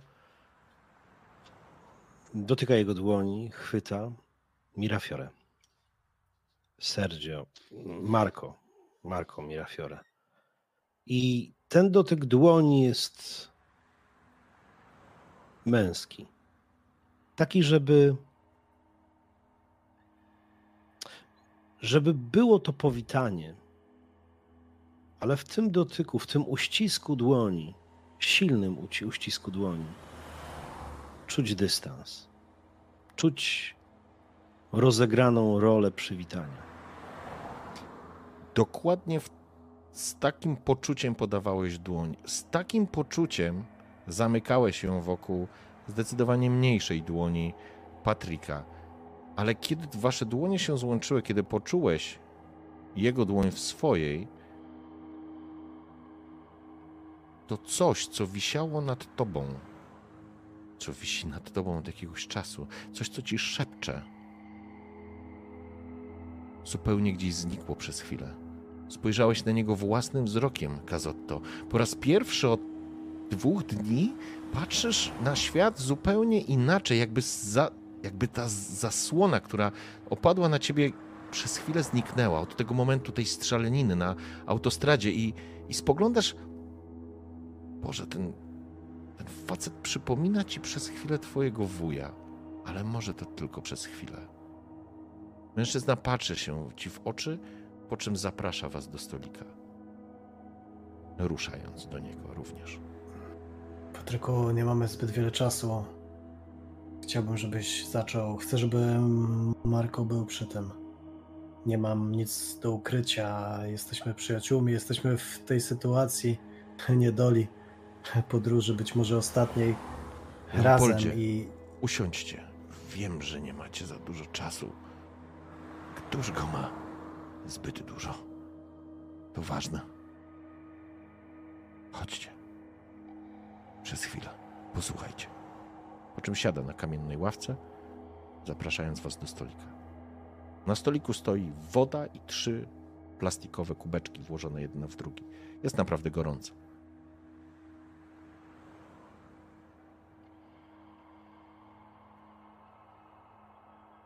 Wiem, że nie macie czasu.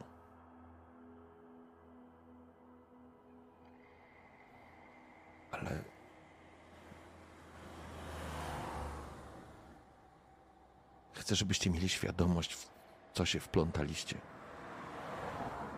Obaj. Zawsze ci chciałem, Leopoldzie, pomóc. Zawsze ci pomagałem. Zawsze chciałem, abyś w końcu poczuł się bezpiecznie. Nie zawsze mi się może to udawało, ale zawsze tego pragnąłem. Dlatego byłeś dla mnie tak ważny, dlatego jesteś dla mnie tak ważny.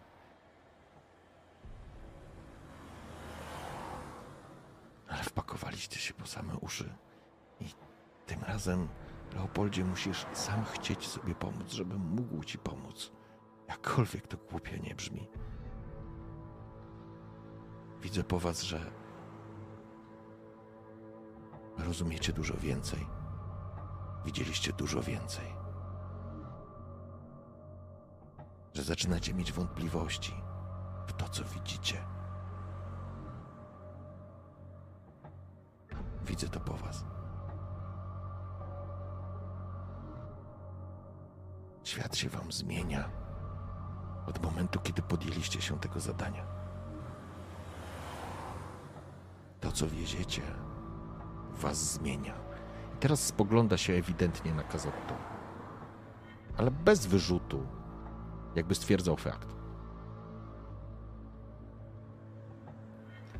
Uśmiecham się bardzo delikatnie. Bo ta deklaracja, inwokacja wręcz, interesante. Nie wypowiadam tego na głos, ale rzeczywiście to cholernie interesujące. Czuję się jak na wielkiej szachownicy między dziwnymi figurami, gdzie piony poszczególne mają ludzkie twarze, białe, czarne, Kramasz, Serat, Patryk. Strasznie ciekawe. Do czego to prowadzi? I z takim głębokim zainteresowaniem, lekko zrelaksowany tym, że rzeczywiście czuje, że wszystko, co mówi Patryk, jak do tej pory, jest czystą prawdą że wszystkie postacie w ciągu ostatnich dni rozgrywają nas całkowicie. Mnie i Leopolda. Nie żałuję, że spotkaliśmy się tu, a jednocześnie czuję jakiś niepokój i ciekawość. Słucham dalej.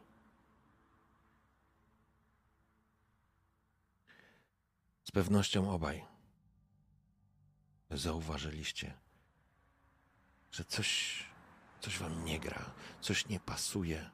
I to nie chodzi o déjà vu. Jestem przekonany, że musieliście doświadczyć rzeczy, których nie jesteście w stanie wyjaśnić.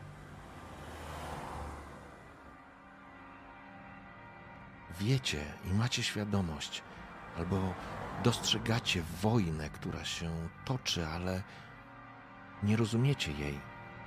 Tak jakbyście przeglądali się przez zasłonę i widzieli tylko kształty. Rozumiecie, że toczy się wojna, ale nie wiecie między kim i dlaczego. Widzicie, ale nie rozumiecie. Ale ta niewiedza, Leo, miała, miała być błogosławieństwem, miała Ciebie bronić, miałeś być bezpieczny, ale widzę, że wszystko się zmieniło. Wiem, że brzmię jak wariat, jak szaleniec, ale proszę Was choćby o jedną rzecz. Wysłuchajcie mnie do końca. Nie oceniajcie. Zanim nie wysłuchacie mnie do końca. Zwłaszcza Ty, Leo. Spojrzałem na zegarek, jakby demonstrując trochę, że mamy mało czasu, ale jednocześnie to deklarowane 10 minut, a cholera, niech będzie nawet pół godziny. To jest niezwykle ciekawe. Może, może faktycznie czegoś się dowiemy. Chciałbym Wam. Traktuję Was już jako grupę.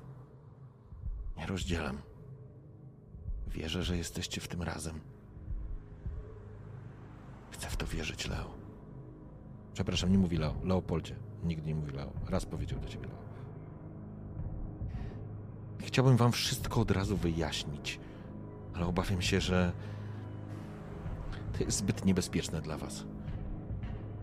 Nie przyjęlibyście tego, nie uwierzylibyście w to i Zresztą. Kładę, kładę ręce na jego dłoniach. Patryku. Po prostu to powiedz. Toczy się wojna, Leopoldzie. Toczy się wojna i. i moja organizacja w niej przegrała.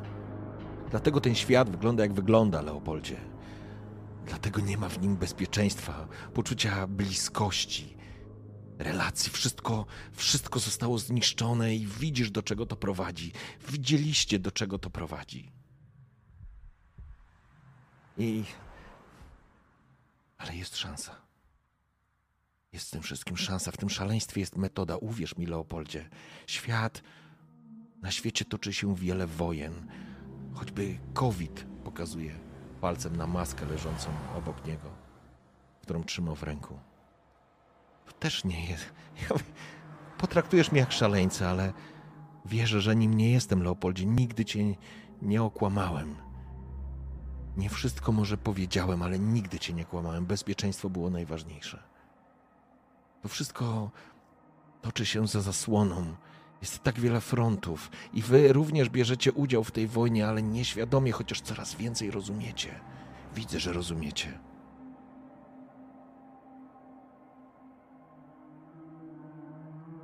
Nawet jakbym chciał powiedzieć wszystko, to. to nie uwierzysz. Jeszcze nie teraz. Z drugiej strony, jeżeli coś pójdzie nie tak i.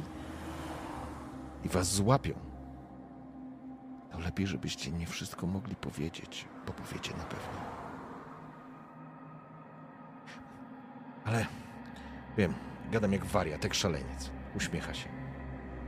Nie chcę was przestraszyć, nie chcę, żebyście nie traktowali mnie poważnie. Wiem, jak mogę wam pomóc jak mogę wam pomóc się z tego wydostać, ale musicie to chcieć. Musicie tego chcieć. Musisz się wyrwać, Kazotto, z tego. Przepraszam, nie powiedział Kazotto. Musisz się wyrwać z tego, Marko. Z tego, co ci siedzi w głowie. A siedzi ci w głowie. Widzę to.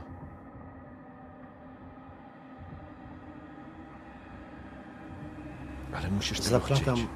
Zaplatam ręce na piersiach, jak gdyby moje ciało mówiło, że, że jestem zdystansowany, ale jednocześnie ta ciekawość mnie zżera niesamowicie. Wyjątkowo spokojnym głosem, patrząc w oczy Patrykowi, mówię: mm, Mi scusi. Kisei, uomo. Kim jesteś, człowieku? Ale tak naprawdę, kim jesteś? Spogląda się na ciebie, spogląda się na Leopolda. Jego twarz jest zmartwiona, przygnębiona. reprezentuje jedną ze stron tego konfliktu. Tą, która przegrała. Tą, którą zniszczyli. Jedyną szansą na to, że, żeby cokolwiek zmienić, jest to, że uznali, że, że już nas nie ma. Popełnili grzech pychy i to jest dla mnie szansa. Dla nas. Ale jednocześnie jest to szansa dla was wszystkich. Przepraszam cię. Przepraszam cię, ale gadasz jak jakiś ksiądz, pastor? Poczekaj, Marko. Nie, ale proszę cię, Leo. Dajcie mi skończyć. Ocenicie. Okej. Mhm. Tylko powiem, co się dzieje teraz w Leopoldzie. W Leopoldzie rośnie zniecierpliwienie i on zaczyna być zły na Patryka, e, ponieważ te rzeczy, które mówi w tym momencie Insignie, są tak mgliste, tak ogólne i on myśli sobie, Leopold w tym momencie myśli sobie takimi kategoriami. Gość pokonał tyle kilometrów, żeby tutaj przylecieć, żeby się z nim spotkać. Super, ale my naprawdę nie mamy czasu. Patryku, błagam cię. Błagam cię, nie mów w ten sposób, bo. Bo nie usiedzimy tu dłużej. Spójrz na mojego przyjaciela. Rozumiem. Próbowałem cię chronić, Leo. Co mamy Przed... zrobić? Co chcesz, żebyśmy zrobili? Albo czego mamy nie robić? Dobrze. Jeszcze chwilkę. Przez tyle czasu, Leo, próbowałem cię bronić przed twoją własną historią. Zawiodłem cię. Mimo wszystko dokonałeś wyborów, które i tak postawiły cię tu, gdzie jesteś. Klątwa. Twoja klątwa się dopełnia. Leo. Powiedział Leo. Niewiedza jest już niebezpieczna, więc. Więc czas otworzyć przed wami karty i wierzę, że zrozumiecie, że wykonacie, dokonacie dobrego wyboru. Wyobraźcie sobie, że wieziecie głowicę jądrową.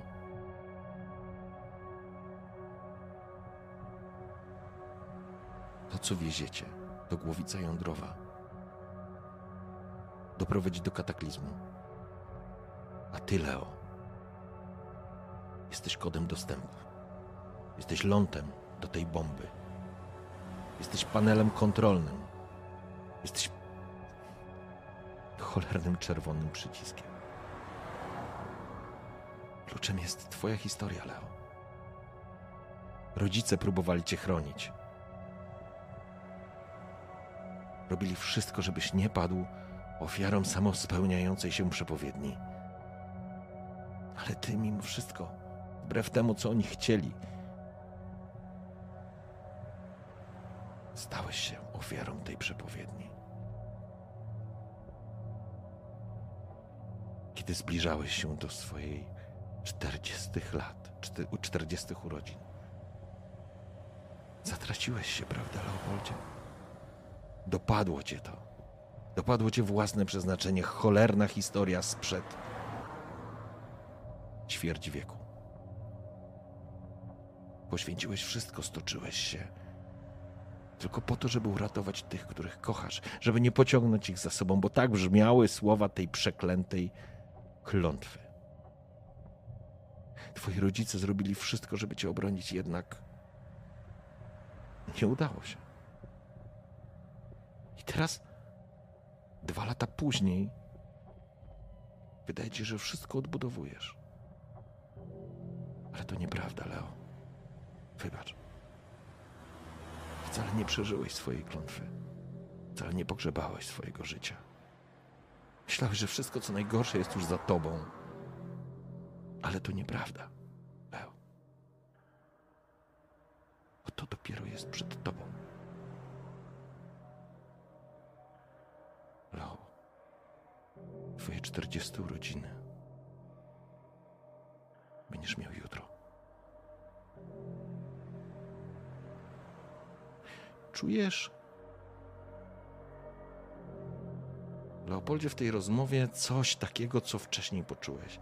Coś brudnego, coś śliskiego, coś, co zaczyna ci znowu spływać po kręgosłupie. Zaczynasz.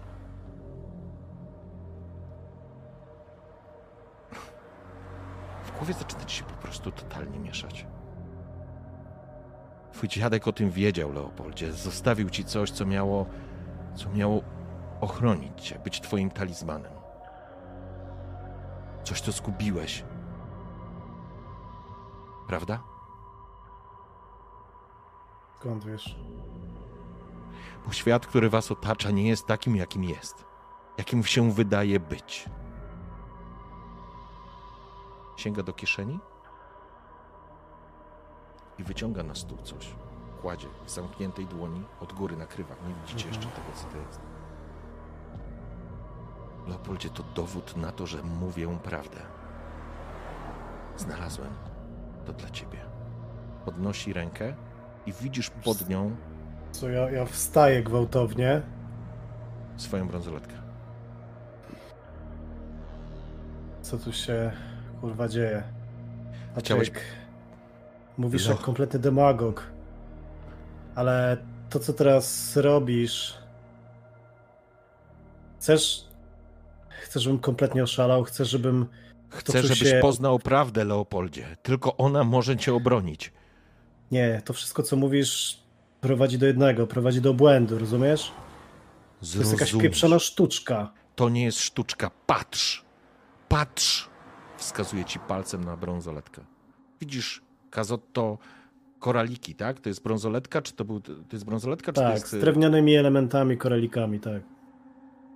Kiedy pokazuje ci palcem, czy patrzysz, Leopoldzie? Patrzę. Kiedy on pokazuje palcem, czy ty, Kazotto, patrzysz?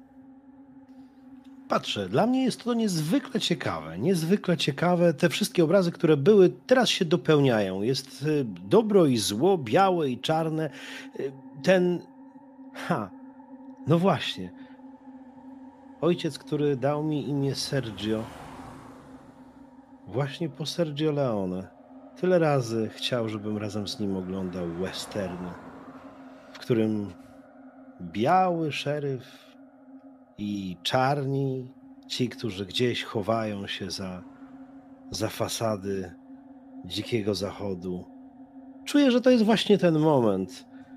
Czuję, że. Ha, że zaraz nastąpi w samo południe. To niezwykle ciekawe. W porządku. Patrzę. Kiedy przyglądacie się, obaj dostrzegacie, że czy to jest efekt gorącej, nagrzanej ławy od tego tureckiego słońca, które jest w pełni i grzeje na po prostu jak ogień piekielny, w tym, w tej ułudzie, w tym takim iluzorycznym, rozgrzanym powietrzu dostrzegasz, Leo, ty jako pierwszy, że koraliki, które widziałeś przed chwilą, zamieniają się w skórzaną opaskę, którą wcześniej dostrzegłeś na Florencji, na tym promie. I dostrzegasz na niej datę 04 08 1980. I to jest ten moment, Kazotto, kiedy ty również to dostrzegasz. I obaj jesteście przekonani, że to, co widzicie, jest prawdą. Że to nie jest trik. Ale macie rację. To wcale nie powoduje, że czujecie się pewniej. Każdemu z Was chciałbym, żebyście zdjęli sobie poziom stabilności. Albo nie, rzućcie sobie na weź się w garść. Tam mam szansę. Tym razem bez modyfikatorów.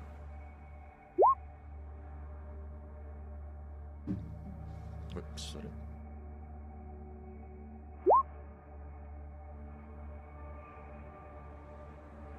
Czy ja tutaj rzucam dwa razy i wybieram gorszy wynik? Mm, poczekaj, ty masz jeszcze jeden. Nie, zostawmy sobie jeszcze na dalszą część.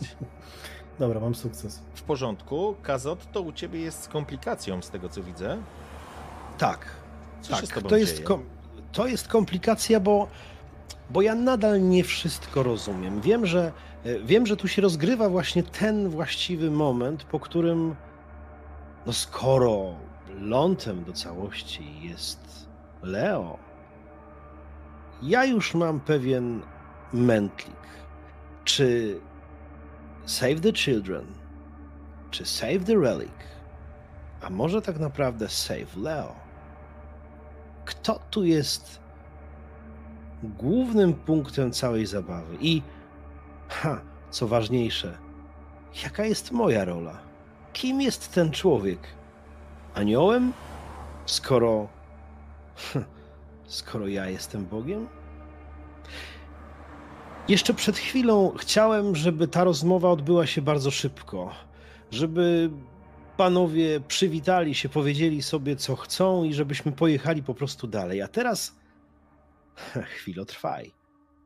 Teraz chwytam silnie za nadgarstek Leo, który stoi nad stołem i ściągam go na dół. Ściągam i delikatnie, bardzo spokojnie mówię: Tutto aposto. Wszystko w porządku, siadaj, Leo. A ty, dziadku, kontynuuj, bo to naprawdę niezwykle ciekawe. I mimo, że mówię, że ciekawe, chcę wychwycić jak najwięcej, bo wiem, że muszę podjąć jakąś decyzję. Skoro mój czas się kończy i dobrze sobie to uzmysłowiłem w nocy i czas Leo się kończy, to te minuty, które poświęcimy teraz, mogą być najdroższymi minutami mojego życia. I to jest moja niepewność w tym całym rozumieniu całej historii. W porządku. Ja jestem kompletnie zaskoczony tym, I właśnie reakcją. do Leo. Co się dzieje u Leo? Tak. A ty, Damian, proszę, żebyś sobie obniżył poziom tej stabilności. E, tylko mi powiedz, na jakim poziomie jesteśmy u ciebie? No jestem w tej chwili tak naprawdę na zatrwożonym. Jeżeli, jeżeli przejdziemy niżej, to już wchodzimy w krytyczny stres. Okej, okay, w porządku. Więc Leo. Tak, ja zachowuję fason w tej sytuacji, ale jestem kompletnie zaskoczony tą reakcją e, Marko, który tak spoglądam na jego rękę i faktycznie usłużnie siadam na tym krześle, e, ale i staram się faktycznie być spokojny. Patrzę w kierunku mm, zakładając, Patryku, że jest tak jak mówisz, że każde z Twoich wypowiedzianych zdań jest prawdą, to co do jasnej cholery mamy teraz zrobić? Jeżeli ja mogę być jakimś narzędziem, rozumiem, aktywującym to, co wieziemy, to co mogę zrobić? I co więcej, skoro naszym celem jest dotarcie w konkretne miejsce, a przewozimy coś tak śmiercionośnego, to co powinniśmy zrobić? Żeby zachować siebie, naszych bliskich, żeby nie doprowadzić do kataklizmu. Patryk wzdycha. Od, to znaczy bierze oddech. Dziękuję, Leopoldzie.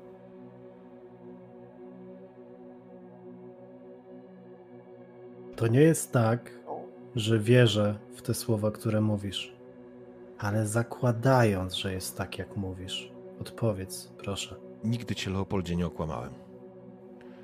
I wiem, że to brzmi jak mrzonki.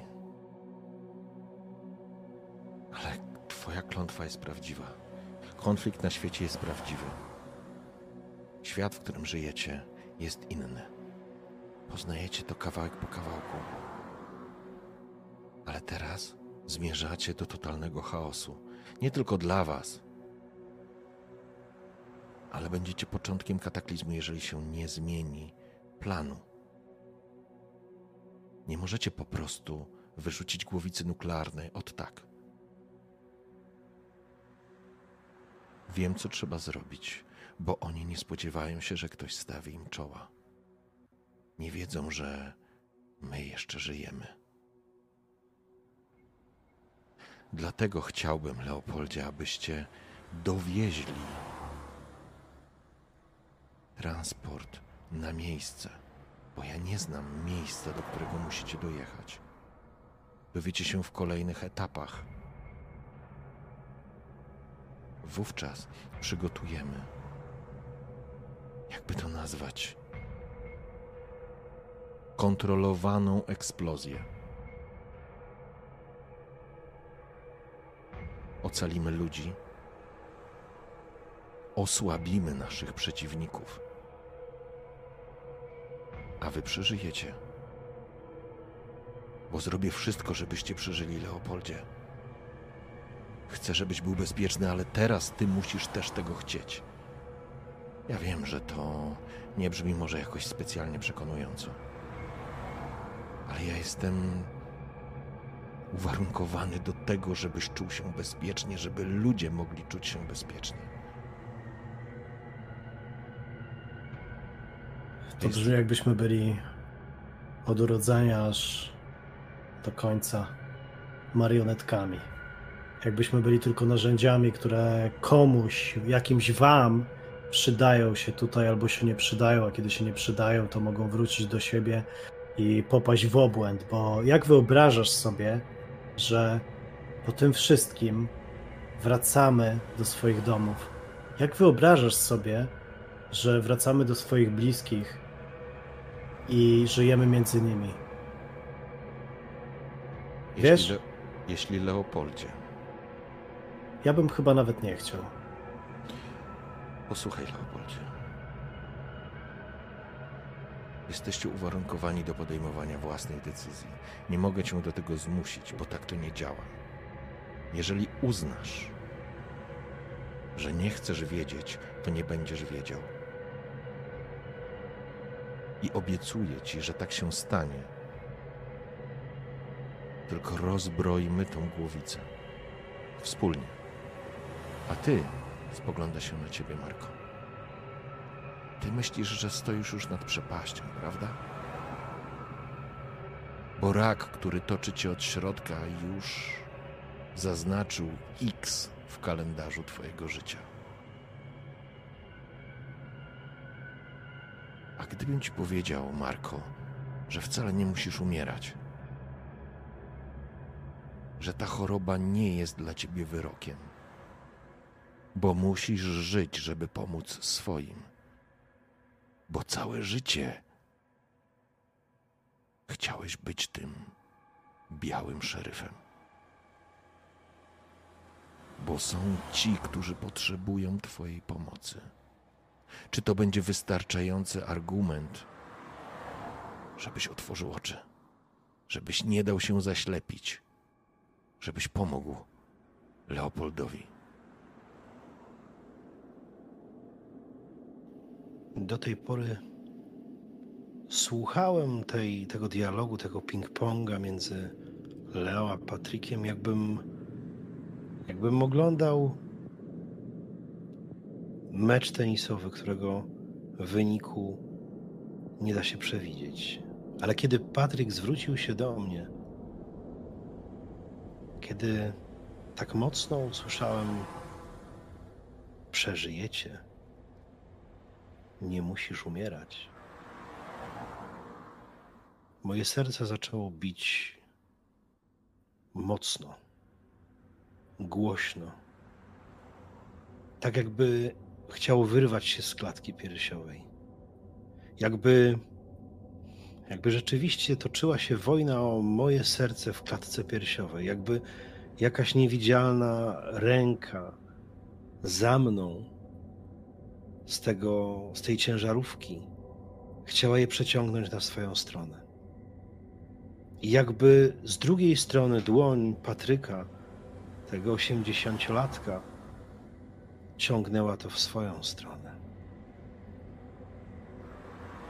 I już niezbyt pewny głos.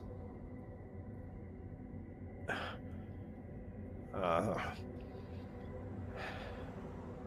Ale kim ja jestem w tej, w tej całej układance.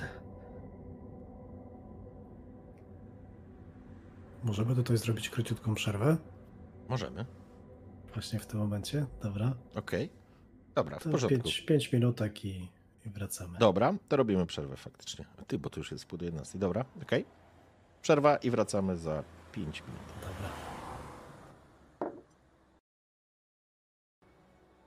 I wróciliśmy po krótkiej przerwie.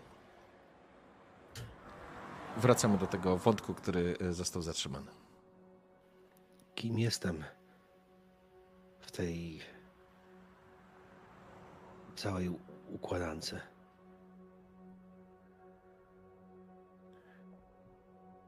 Będziecie decydować, wy, we dwójkę, o tym, jak to się zakończy. Bo nie mogę po prostu zmusić was do tego i nie chcę.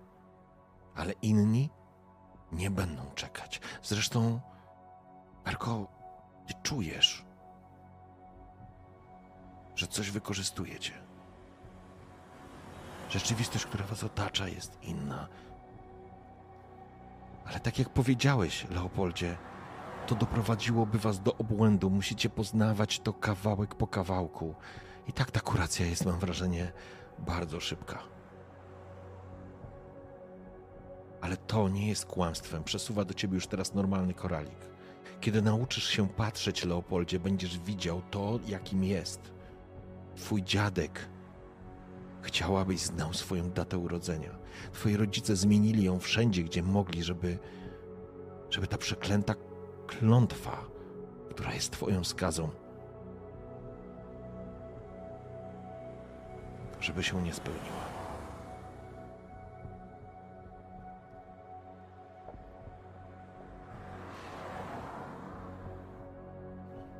Może brzmi jak wariat i szaleniec, ale w Waszych rękach to Wy będziecie decydować, czy świat zatopi się, w, utopi się w anarchii i w bestialstwie. To, co wieziecie, to faktycznie relikt kruka padlinożercy. Jednej z sił, która bierze udział w tej wojnie.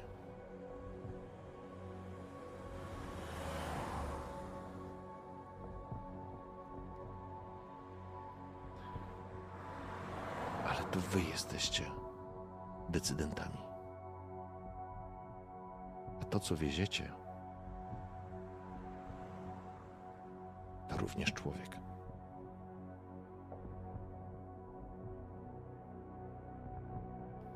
Człowiek? Człowiek?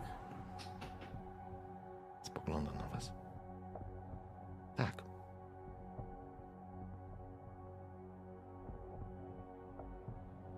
To Kifim Botatsa, jeden z generałów,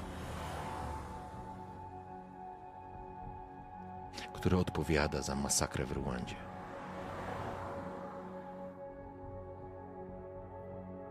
Jeden. Sorry.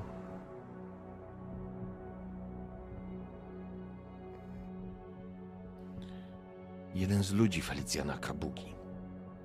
Tego, którego w ubiegłym roku, zła... przepraszam, w, ubiegłym, w tym roku złapano, w czerwcu.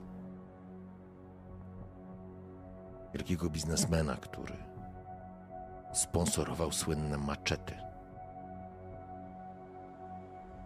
I teraz, Leopoldzie, dochodzi do ciebie, że ty kojarzysz. Po słowach, które powiedział do ciebie, do was właściwie Patryk, teraz skojarzyłeś, bo wcześniej miałeś wrażenie, że. że to jest jakiś klasyczny ubiór, ale te dziewczynki w porcie w Neapolu, one miały na sobie tradycyjny ceremonialny strój. Tak, z Ruandy. To była taka zwiewna spódnica.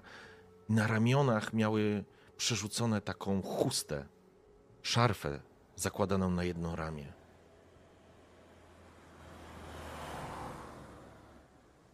I to były dziewczynki Tutsi. A to biznesmen, który sfinansował rzeź, którą urządzili Hutu. 94 rok. Cały świat obiegły zdjęcia tego, co się później wydarzyło. co się wówczas wydarzyło. Znaczy, Totalnej oczywiście, masakry. Oczywiście Leopold też e, no miał, miał taki okres w życiu, że dużo czytał na temat różnych konfliktów e, dziejących się na kontynencie afrykańskim i szczególnie ta kwestia Ruandy go poruszyła.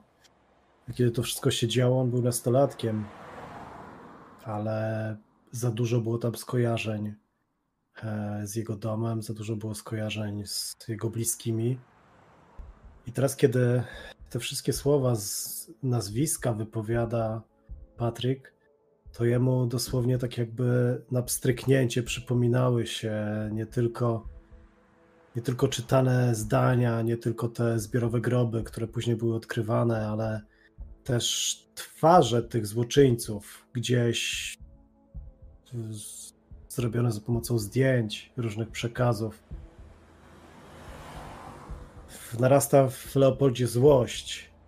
Pierwsze co pomyślał to po prostu, że należy zgładzić to coś, co jest w środku, a później pomyślał, że to jest tak absurdalny pomysł, jak to, że Patryk nazwał to głowicą. To nie może być coś, co łatwo można zgładzić. Pomyślał. To niesamowite, jaki ciąg przypadków rządzi ludzkim życiem. Przecież to było całkiem dawno temu. A te nazwiska, te zdarzenia, te obrazy. Pamiętam jak dziś, kiedy do ciotki Franceski przyjechał jej znajomy, ojciec franciszkanin Gianluigi, Gianluigi Petazzo, misjonarz. Misjonarz z Rwandy, który cudem wydostał się stamtąd. Nie chciałem tego słuchać. Nie miałem. A jednak nazwiska,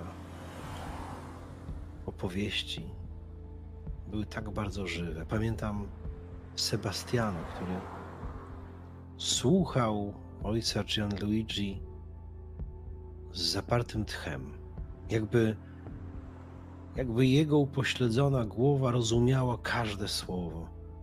Pamiętam, kiedy z otwartymi ustami ściekała mu ślina, ale z oczu ciekły łzy.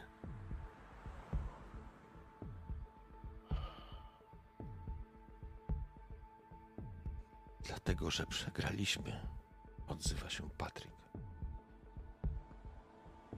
Takie bestialstwa mogą się pojawić będą się pojawiać. Ale jest w tym całym okrucieństwie szansa dla nas zadać potężny cios tym, których relikt namacalny dowód okropieństwa i okrucieństwa, którym, które uczynili ludzie ludziom, które wieziecie w tym kontenerze. Można to obrócić przeciwko nim. Dla mnie, dla pozostałych. To droga bez powrotu, bo będziemy musieli wtedy się ujawnić tym, którzy myślą, że nie istniejemy. Nie podaję wam nazw, nie dlatego, że chcę coś was wam przed wami zataić. Wszystkiego się dowiecie. Tak, żeby zrozumieć. A później sami podejmiecie decyzję, Leopoldzie. Czy chcecie o tym pamiętać, czy nie?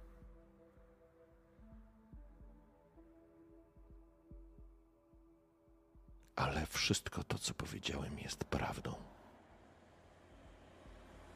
Nigdy ciebie nie okłamałem. I zdajcie sobie z tego sprawę. Bez względu na to, jak irracjonalnie brzmiały te słowa, jak dziwnie, w dziwne historie się układały. Zdajecie sobie obaj sprawę, świetnie sobie zdajecie sprawę, że, że on nie kłamie.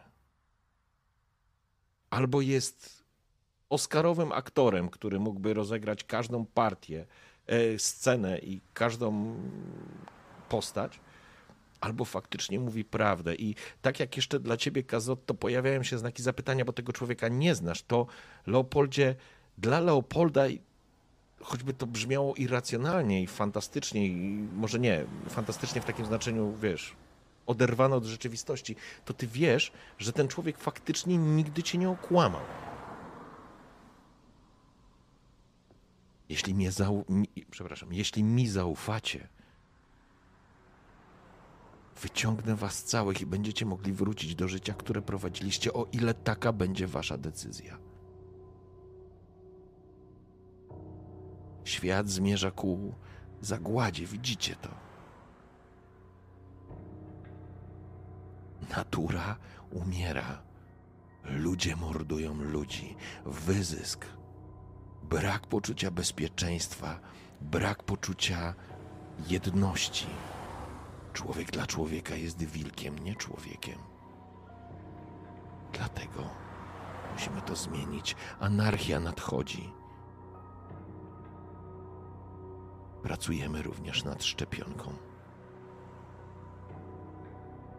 Jeśli nam pomożecie, jeśli mi pomożecie,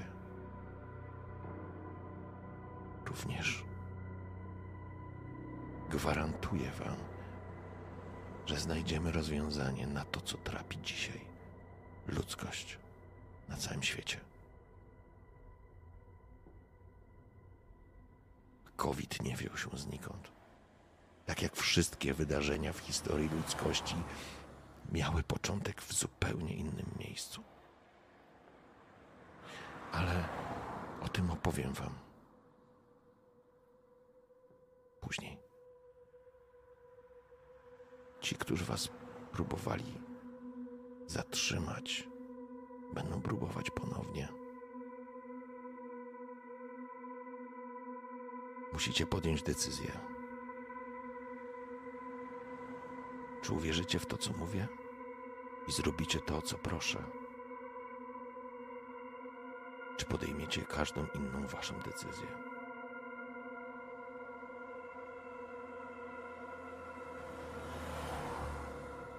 Kończy się nam czas. Teraz on nerwowo spogląda na zegarek. Leopold ma kamienną twarz od pewnego momentu. Rzeczy, które go zaskakują, one, te, które wypowiada Patryk, nie daje po sobie poznać tego zaskoczenia. Ma zdjęte okulary, ale to nie chodzi o to. Po prostu ma cały czas przymrużone oczy, patrzy w kierunku Patryka, spogląda w kierunku Marko. Też ciekaw jest, jak Marko reaguje na te wszystkie słowa, ale ilość rzeczy, które wypowiedział e, Patryk, w jakiś dziwnym, w dziwny sposób Leopold nie wiem, może później zwali to po prostu na poczucie chwili, na poczucie tej euforii spotkania starego przyjaciela, ale w tej chwili po prostu nie ma nawet powodu, żeby nie wierzył mu w to, co mówi. Ostatnie zdania dotyczące tego, że świat e, chyli się ku końcowi, nie jest dla niego niczym nowym. Od zawsze, od najmłodszych lat słyszał o tym, wszędzie o tym mówią, a w ostatnich latach jeszcze coraz więcej to nawet nie chodzi o to. To nawet już nie chodzi o to, że są narzędziami w czyichś rękach. E, teraz Leopold chciałby po prostu nie odczuwać tego wszystkiego. Chciałby nie myśleć. Chciałby wykonać to zadanie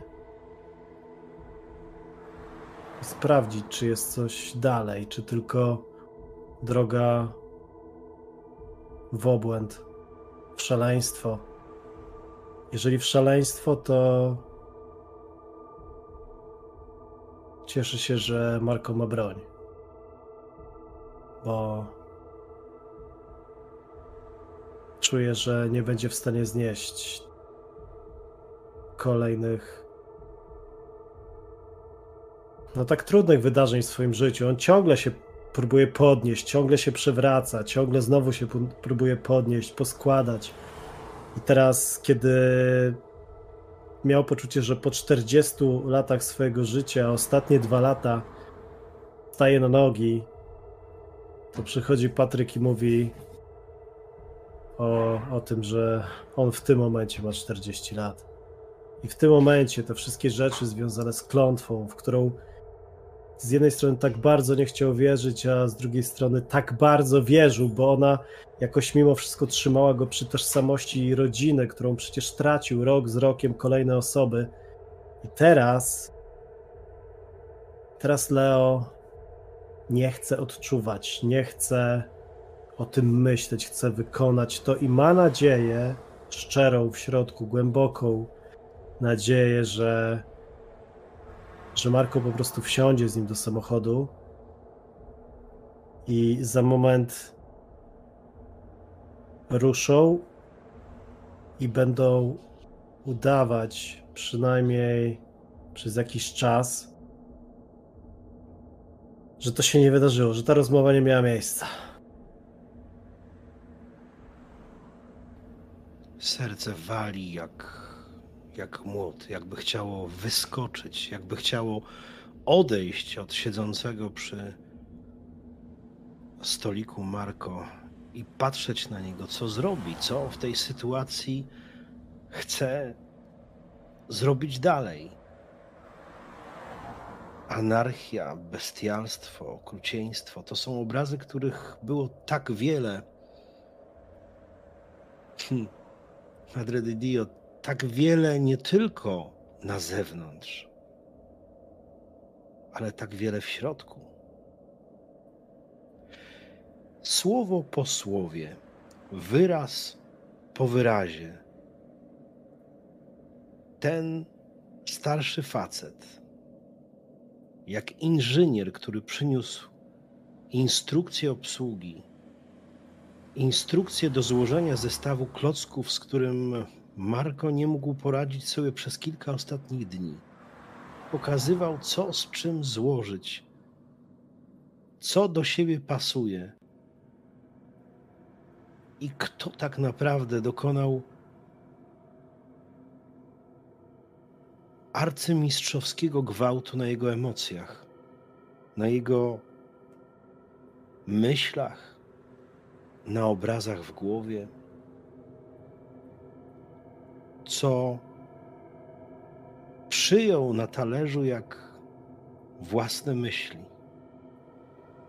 Jeszcze rano obudził się z myślą, że jest Bogiem. Gówno, prawda? Chore gówno. Jest tylko, może aż jest do życia. Usłyszał w swojej głowie urwane słowa Patryka. Przeżyjecie. Nie musisz umierać. Tych wyrazów przez ostatnie godziny, dni nie było w słowniku Marko była tylko śmierć, anarchia, bestialstwo, okrucieństwo. Jeśli to obłęd, to Marko jest już o stopień dalej. Jeśli to wariactwo, to tak, chcę przeżyć to wariactwo razem z tym facetem, którego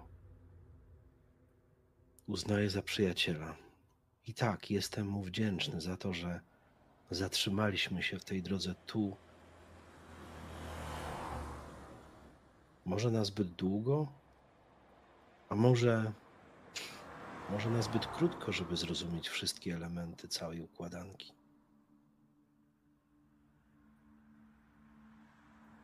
Po chwili Słyszysz, słyszycie obaj, jak włącza się w telefonie Patryka alarm. Spikanie. Byliście przekonani, że ta rozmowa trwała dużo dłużej. Ale spoglądacie na zegarek. I właśnie skończyła się dziesiąta minuta. Mój czas się skończył.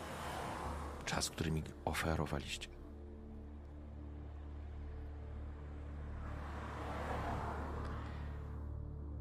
Jedziecie na południe. Syria. To raj dla kruka padlinożercy. Jeden wielki kocioł konfliktu, nienawiści.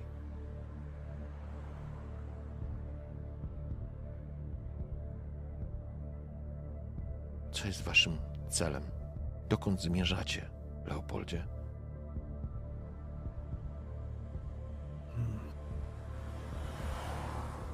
Chcemy to skończyć. Zrobię, zrobimy, patrzę na Marko. Zrobimy tak, jak mówisz. Każdy miecz ma jest bronią obosieczną. I możemy zadać cios. Nie śmiertelny niestety, ale mocny. Tym, którzy za to odpowiadają. Tym, którzy podsycali emocje kabugi, którzy go ulepili. I, jemu podobnych. Mój czas się skończył. Zrobicie z tą wiedzą, co chcecie. Musicie podjąć sami decyzję.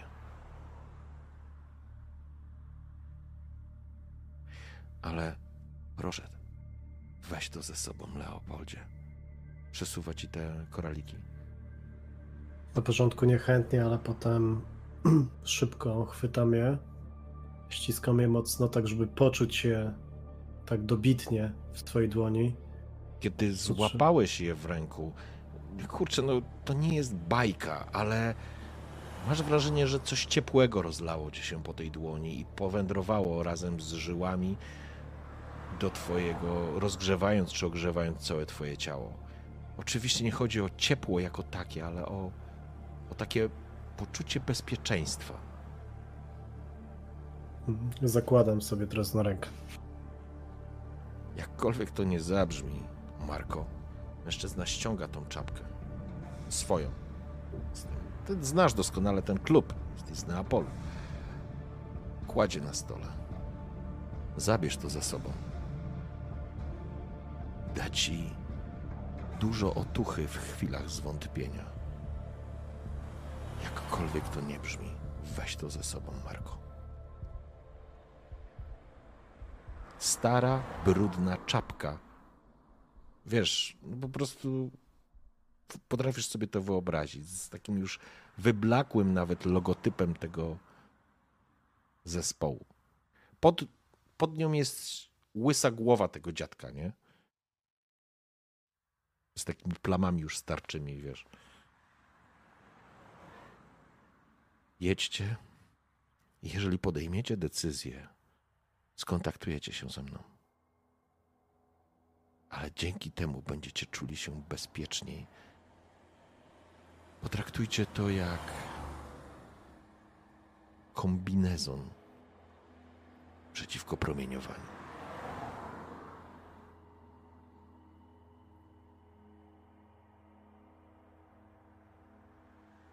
Dzięki.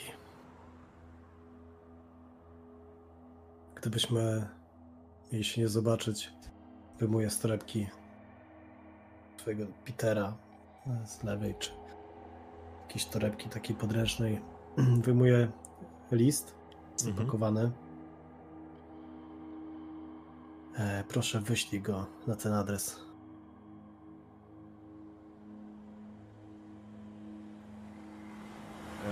Myślę, że zna ten adres. 4 nie... sierpnia. Mhm. Dobrze, Leopoldzie. Zrobię tak, jak sobie życzysz. Dziękuję. To ja dziękuję. Jedźcie ostrożnie. Bierze ten list, chowa sobie, wiesz, wewnętrzną kieszeń. Nasz czas się już skończył. Bierzesz Dziękuję, czapkę, Marku? Stary przyjacielu. Okej, sorry. sorry. Hmm?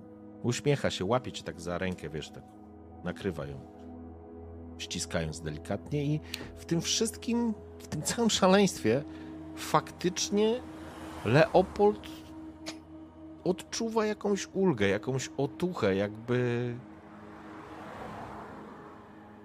jakby i obecność tego mężczyzny, który przez całe jego dorosłe, właściwie dziecięce życie, nastoletnie życie, był takim, może wrażenie, był taką cholerną latarnią morską, takim drogowskazem, takim byłeś wśród ciemności, sam zostawiony, nawet nie pamiętasz pewnych rzeczy. I pojawił się ten człowiek i jakby kierował tobą, albo pokazywał ci kierunek. Może to jest lepsze określenie. On nigdy tobą nie kierował, nigdy do niczego cię nie zmuszał i w momencie, kiedy nawet wybrzmiały te słowa, jak z wami rozmawiał, dla Marko to było coś zupełnie nowego, bo nie miałeś okazji z nim rozmawiać, ale dla ciebie, Leo, ty zaczynasz po prostu tak jakby, wiesz, dopasowywać puzzle tej układanki, jak zaczynasz spasowywać.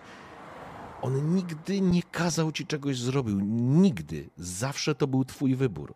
I to podkreślał, podobnie tak jak, że on nie jest oczywiście stary on jest wcześnie urodzony, ale dokładnie za każdym razem, nawet w najtrudniejszych decyzjach takiego młodego, gniewnego nastolatka, to ty podejmowałeś decyzję. On ci dawał tylko możliwości. I teraz przejdźmy do Marko. Czy bierzesz tą czapkę? Wstaję od stolika. Serce tak wali, że czuję, czuję je w krtani. Czuję, że gdybym miał teraz wypowiedzieć cokolwiek, y, byłoby to przerywane uderzeniami e, serca. Wstaję na tyle niedbale, że krzesło za mną, zrobione z metalowych prętów, upada za mną, uderzając, e, uderzając o asfalt. Czuję, że cały jestem drżeniem serca Sięgam po czapkę, chwytając ją ze stołu. I w tym momencie, jakby wszystko się we mnie uspokoiło. Jakbym. Jakbym dotknął leczenia, jakbym wziął jakieś, jakieś lekarstwo na palpitację serca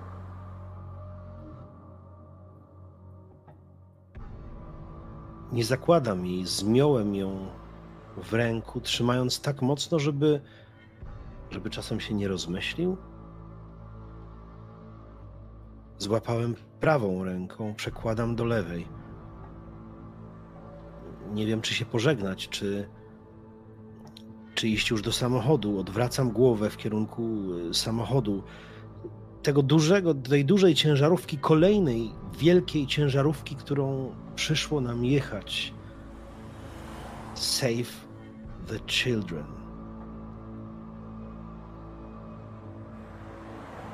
Ten napis po raz kolejny znaczy zupełnie coś innego. Ale teraz jakby obrany z całego chorego gówna wreszcie znaczy to, co powinien znaczyć. I w jakimś niesamowitym odruchu jeszcze raz słyszę w głowie: Nie musisz. Takie, takie miękkie. Żaden nakaz. Nie musisz. Wyciągam szybko swoją prawą rękę, żeby pożegnać się z tym człowiekiem, żeby chwycić jego dłoń. Widzę, że chyba nie był do końca na to przygotowany, bo wsuwam właściwie swoją dłoń w jego dłoń. Znów mocno, znów po męsku, ale tym razem czuję, że ta osiemdziesięcioletnia dłoń jest.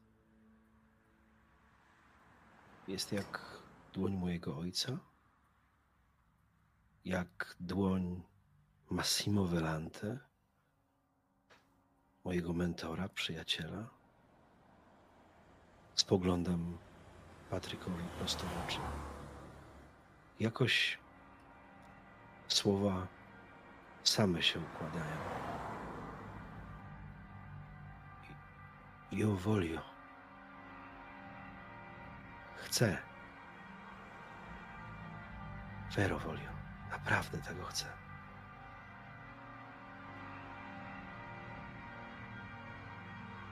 Puszczam dłoń.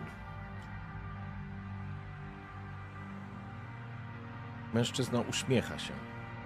Tak dobrotliwie, tak dobrodusznie, tak, tak dawno nikt do ciebie się nie uśmiechał, bo masz wrażenie, że jakby odjechaliście, zostawiając Neapol, zostawiliście tą cząstkę siebie, która była zupełnie inna, taka normalna, ludzka. Ale postać tego łysego staruszka wypełnia również i ciebie w jakiś sposób takim poczuciem. Kurwa, jak to głupio brzmi, Marko, ale takiej nadziei, takiej szansy, takiej wiary w to, że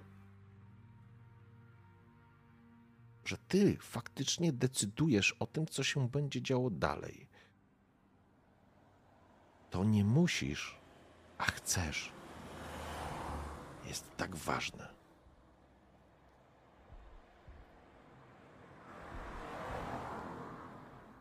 Mężczyzna obejmuje ciebie, Leopoldzie, tak poklepuje. Jedźcie już. Ech, tak. Jedźmy. Marko? Możemy? Marko już właściwie ma kluczyki w rękach. Już właściwie. Jeśli to była jakaś gra, jeśli to był ten moment, w którym biały szeryf i czarni gangsterzy byli na jednym placu, to już jest po wystrzale. Leo, nie mamy czasu. Do auta. Prowadź cały czas. Teraz, Jeszcze, dobra? I teraz ja proszę o przerwę. E, Dosłownie 3 minuty, bo jest jakaś zadyma, wiatr wieje Jasne. i dziwne rzeczy się dzieją na zewnątrz. Zaraz, zaraz wracamy, także e, dosłownie chwilę. Jasne. E, Wróciliśmy. Niestety wichura jest straszliwa na zewnątrz, ale również i w głowach naszych bohaterów. Ja teraz pozwolę sobie przeskoczyć trochę. Wsiedliście, zostawi... pożegnawszy się wcześniej z Patrykiem. To spotkanie oczywiście rozbiło pewien wasz światopogląd, jakieś tam widzenie rzeczywistości, postrzeganie jej, ale z drugiej strony macie wrażenie, że było pierwszym spotkaniem od dla was cholernie długiego czasu, w którym ktoś faktycznie chciał wam tak zupełnie normalnie coś wytłumaczyć albo coś pomóc. Czy wytłumaczył, czy jeszcze, za, jeszcze bardziej zamieszał wam w głowach. To jest zupełnie inna historia. Ale jedno jest pewne. Rozmowa z Patrykiem spowodowała z pewnością, że uspokoiliście się. Poczuliście się, poczuliście się bezpiecznie i bez względu na wszystko. I chciałbym, żebyście zeszli sobie mm, na stabilności na pewno przynajmniej dwa poziomy do góry. Ja jestem spokojny w takim razie. Okej.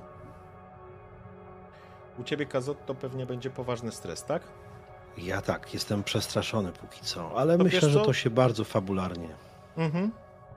To możesz nawet wskoczyć sobie na wstrząśnięty, w sensie ta cała historia wstrząsnęła twoją Tak, postacią. tak, W przypadku Leopolda tych wątków związanych z klątwą, z tym mistycyzmem, jakby przez całe życie ci się, że tak powiem, to gdzieś pojawiało.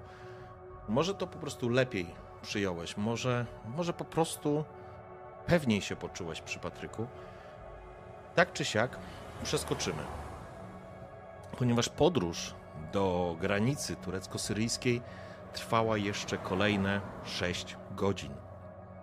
Dojechaliście do Jajladagi w okolicach godziny siódmej.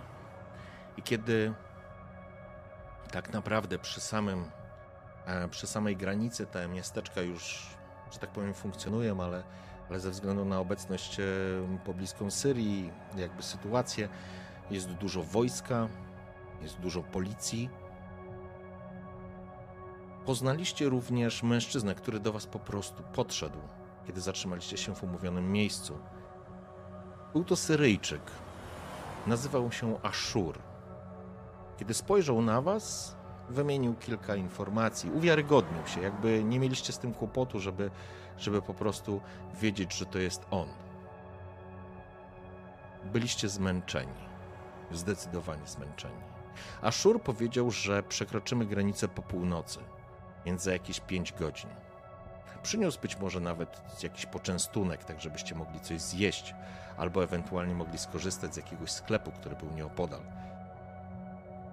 Możecie odpocząć, jak zasugerował Ashur, albo po prostu czekać. Faktycznie um, jechał głównie Kazotto, więc e, jesteś, Marko, totalnie umęczony.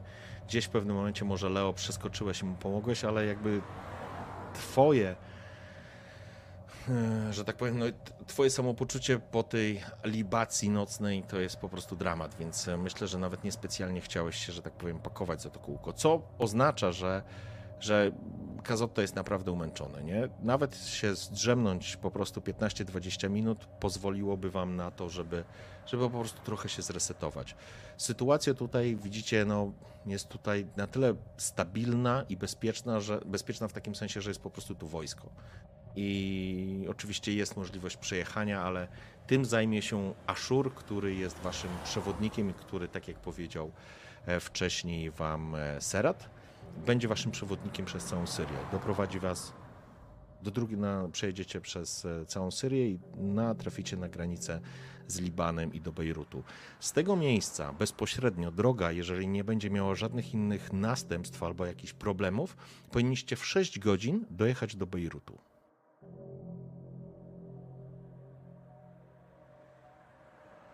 Pytanie, co robicie? Czy faktycznie chcecie trochę odpocząć? Tak, ja nawet zachęcam Marko do tego, żeby zwłaszcza on odpoczął. Ja na pewno gdzieś tam się zdrzemnąłem w trakcie, mhm.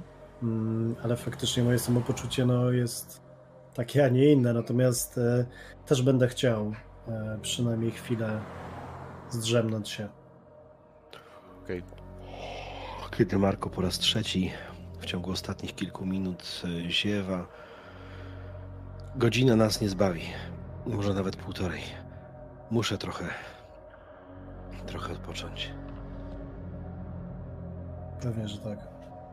Ashur powiedział, że pójdzie na stację, sobie po jakąś kawę zapali papierosa, więc wy możecie spokojnie zasnąć, zamknąć się w środku w samochodzie i chwilę zdrzemnąć. Jeśli tak się stało, to faktycznie, Kazotto, bardzo szybko odpłynąłeś. Faktycznie trochę miałeś obawy, co się będzie działo, kiedy zamkniesz oczy. Oczywiście zmęczenie i tak, nie przezwyciężyłbyś tego zmęczenia, ale masz wrażenie, że, to znaczy masz wrażenie, jakby to, ta, ta obawa ci towarzyszyła właściwie od zawsze, kiedy kładziesz się spać, bojąc się tych koszmarów, chociaż ostatnia noc była dla ciebie nieco, nieco inna, ale może przez to jeszcze bardziej przerażająca.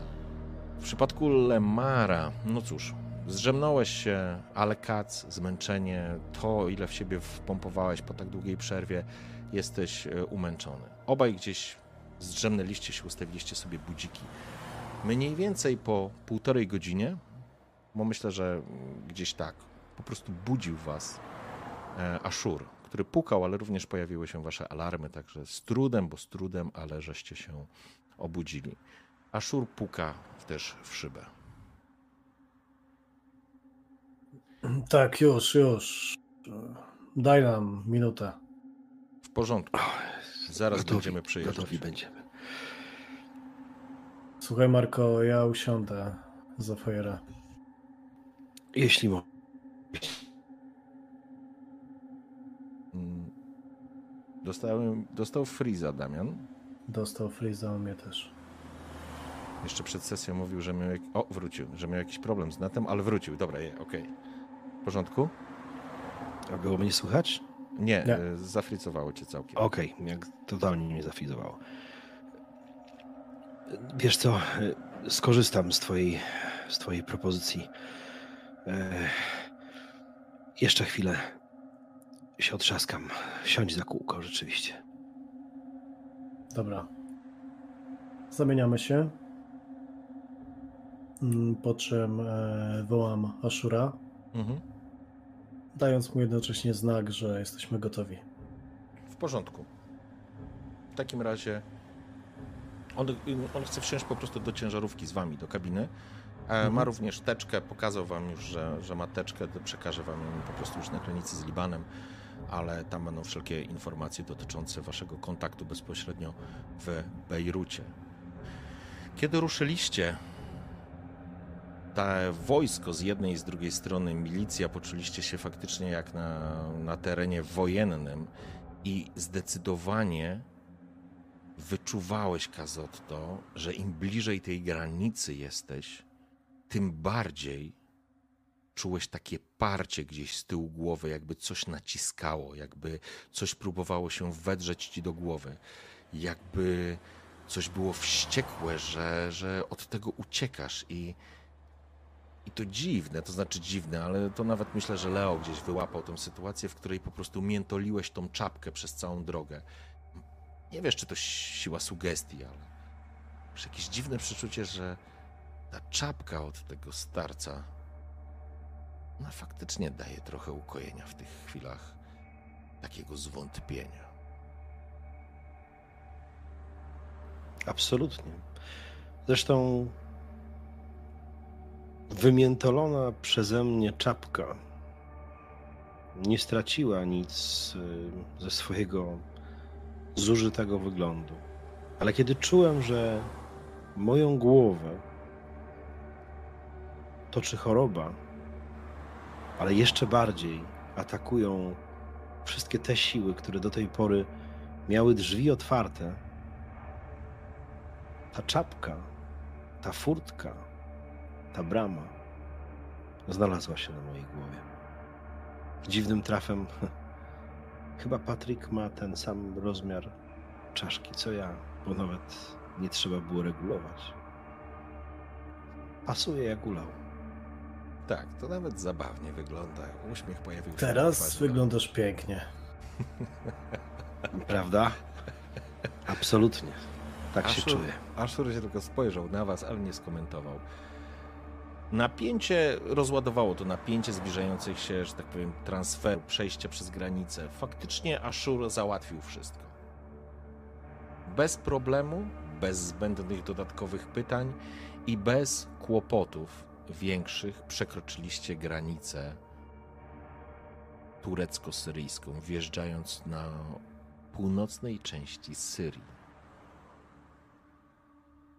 I poczuliście swego rodzaju ulgę, ale z drugiej strony macie wrażenie, że jesteście w zupełnie nowym, na zupełnie nowym obszarze. W miejscu, gdzie konflikt jest elementem krajobrazu. I bardzo szybko i bardzo dosadnie byliście w stanie zilustrować tę sytuację. Mijane miasteczka, przepraszam,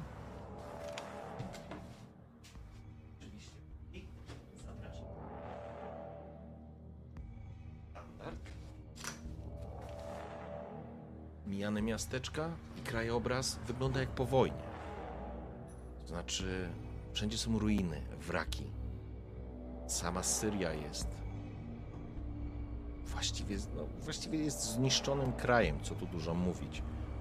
Pół miliona ofiar, 7 milionów uchodźców i wszystko od 2011 roku.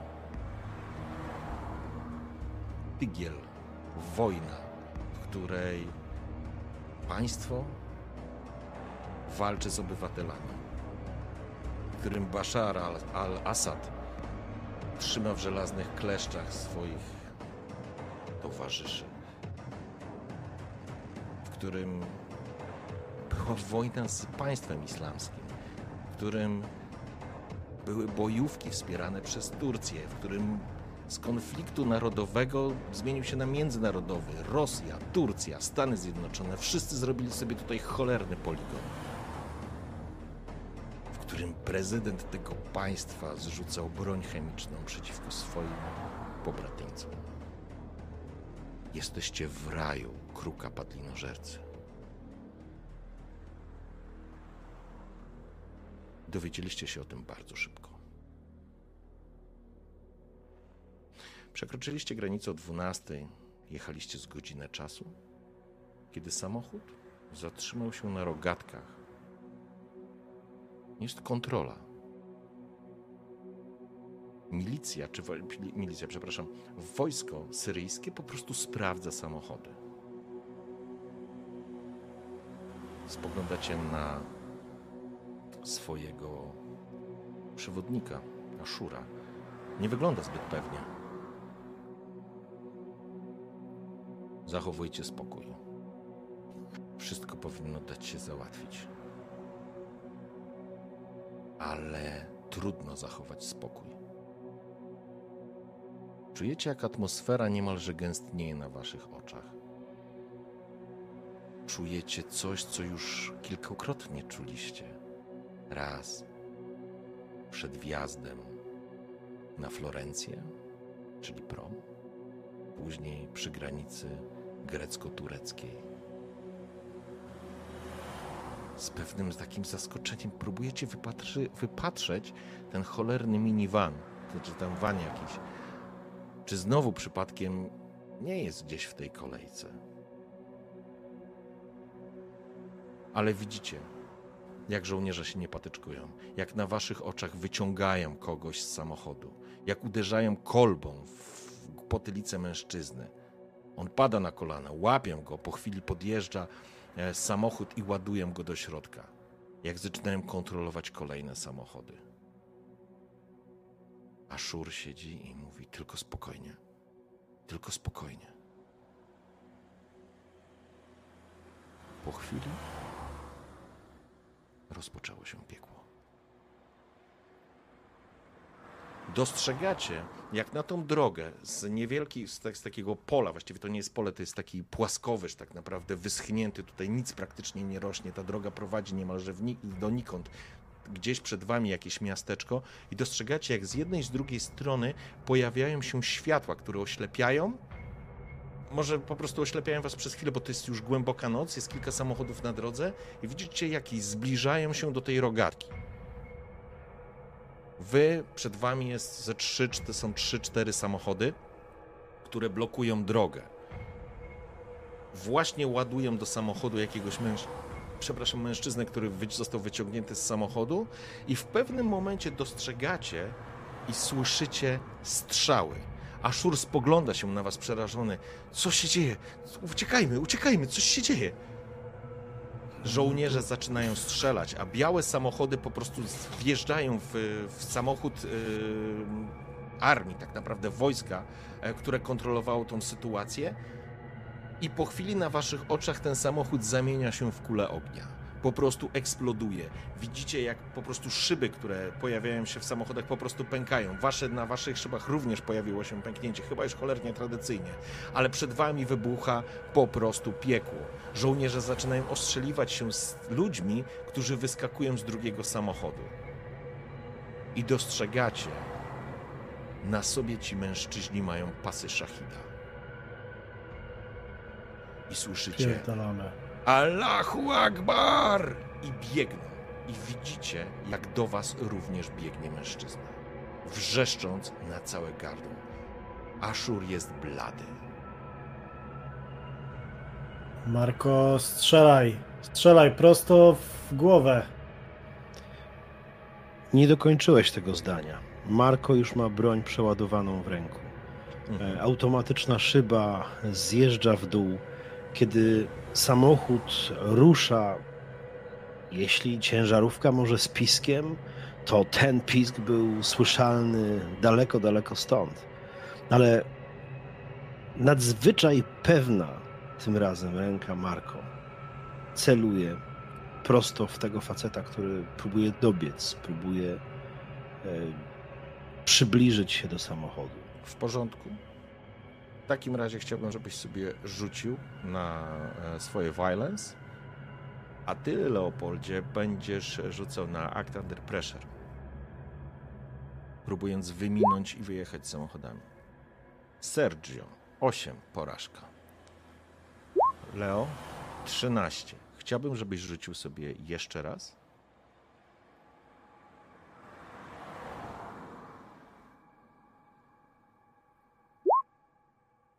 Tak samo. Dobrze, w porządku. Kazot, to wyciągasz pistolet, już zdążyłeś otworzyć szybę, zaczynasz strzelać. Raz, drugi, pociągasz za spust, natomiast czy nerwy, czy ta sytuacja, czy ciemność, nie wiesz. Mężczyzna biegnie do was wrzeszcząc: Allahu Akbar! Bóg jest wielki, jestem Bogiem, gdzieś ci w głowie mignęło.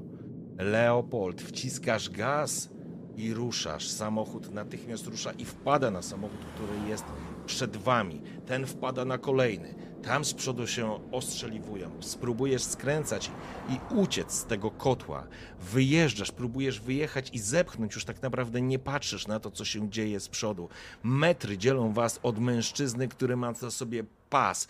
Ty wciskasz gaz taranując i dostrzegacie, jak mężczyzna podbiega do waszego samochodu, kiedy wy, ty już, Leo, wyjeżdżasz. Po chwili słyszycie eksplozję.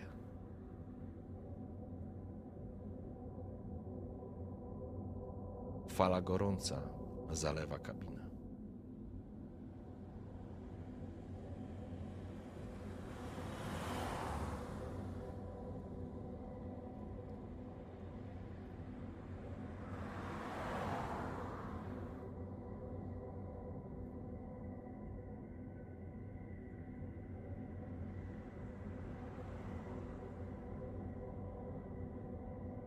Otwierać oczy.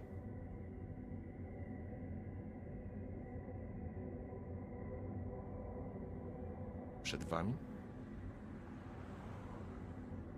jakby ktoś wcisnął pauzę.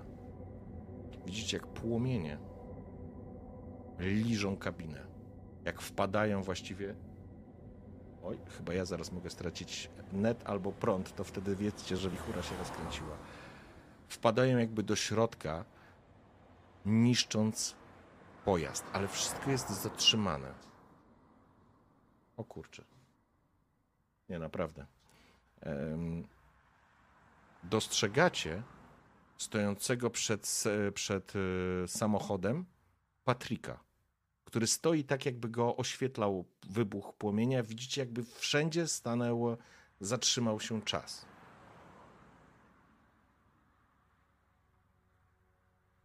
Ragazza.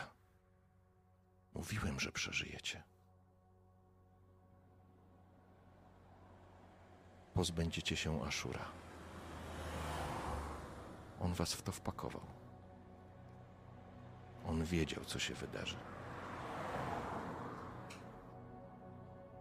A my teraz wiemy, co mogłoby się wydarzyć. Będziecie bezpieczni. Po chwili wybuch, jakby ktoś wcisnął pauzę. Odcisnął pauzę, pochłania ciężarówkę, a wy otwieracie oczy i słyszycie pukanie. Panowie, za chwileczkę przekraczamy granicę. Spoglądam na Marko. Obaj się obudziliście zdecydowanie. Miałem sen. Wiem.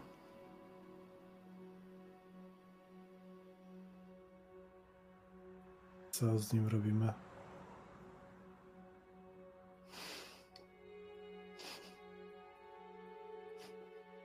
Leo. Jowolio. Ja chcę. I uśmiechając się do Leo,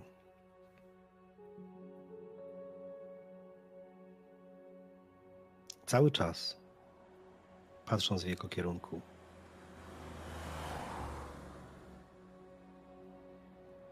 i facet, który siedzi między nami. On jeszcze nie, on jeszcze Jeszcze nie nie. siedzi. On jest A, jeszcze nie siedzi. Jesteśmy on zapukał, się tak, tak. tak. Tak, tak, tak.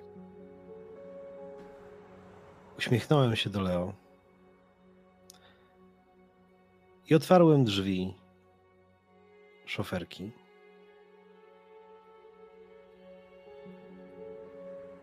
A drugą ręką Moment. dostrzegasz coś, czego wcześniej nie widziałeś.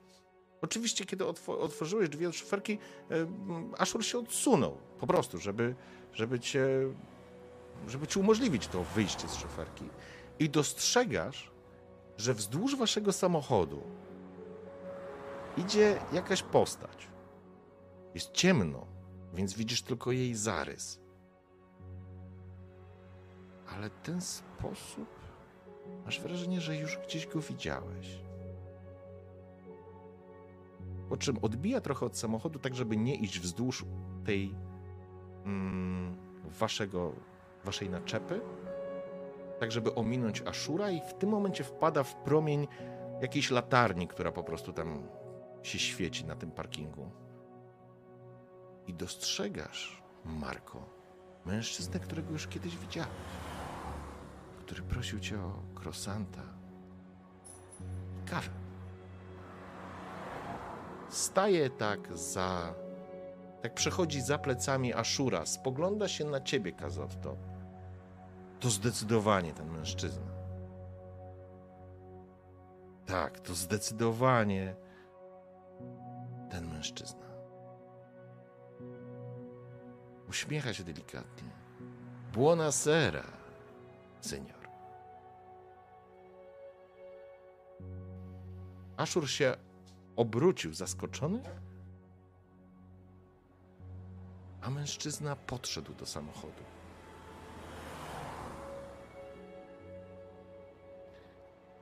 Po czym po włosku, nienagannym językiem włoskim, bez akcentu rzecz jasna, zwrócił się do was. Do ciebie, Marko. Mój przyjaciel poprosił mnie, abym wam pomógł.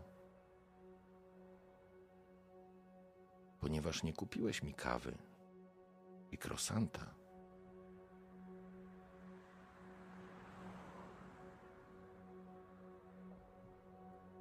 będziesz musiał złożyć ofiarę autostradzie. Ten most. Pójdziemy tam razem. Spogląda się, rzuca się tylko spojrzenie na Ashura, jakby wskazywał go, jakby wiedział, co się wydarzy albo co ma się wydarzyć. Jego oczy tym razem trochę zalśniły.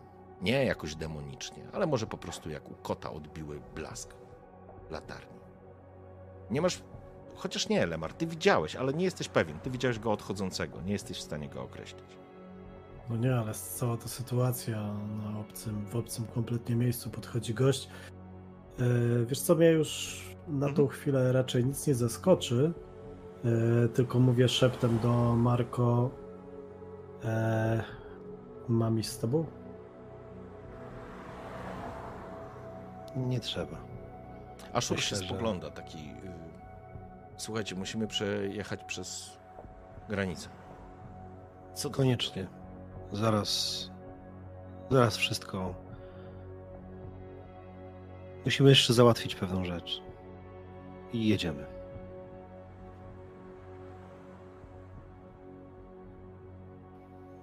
Odwracam się do Leo i mówię: Wiesz, tym razem nie popełnię tego błędu.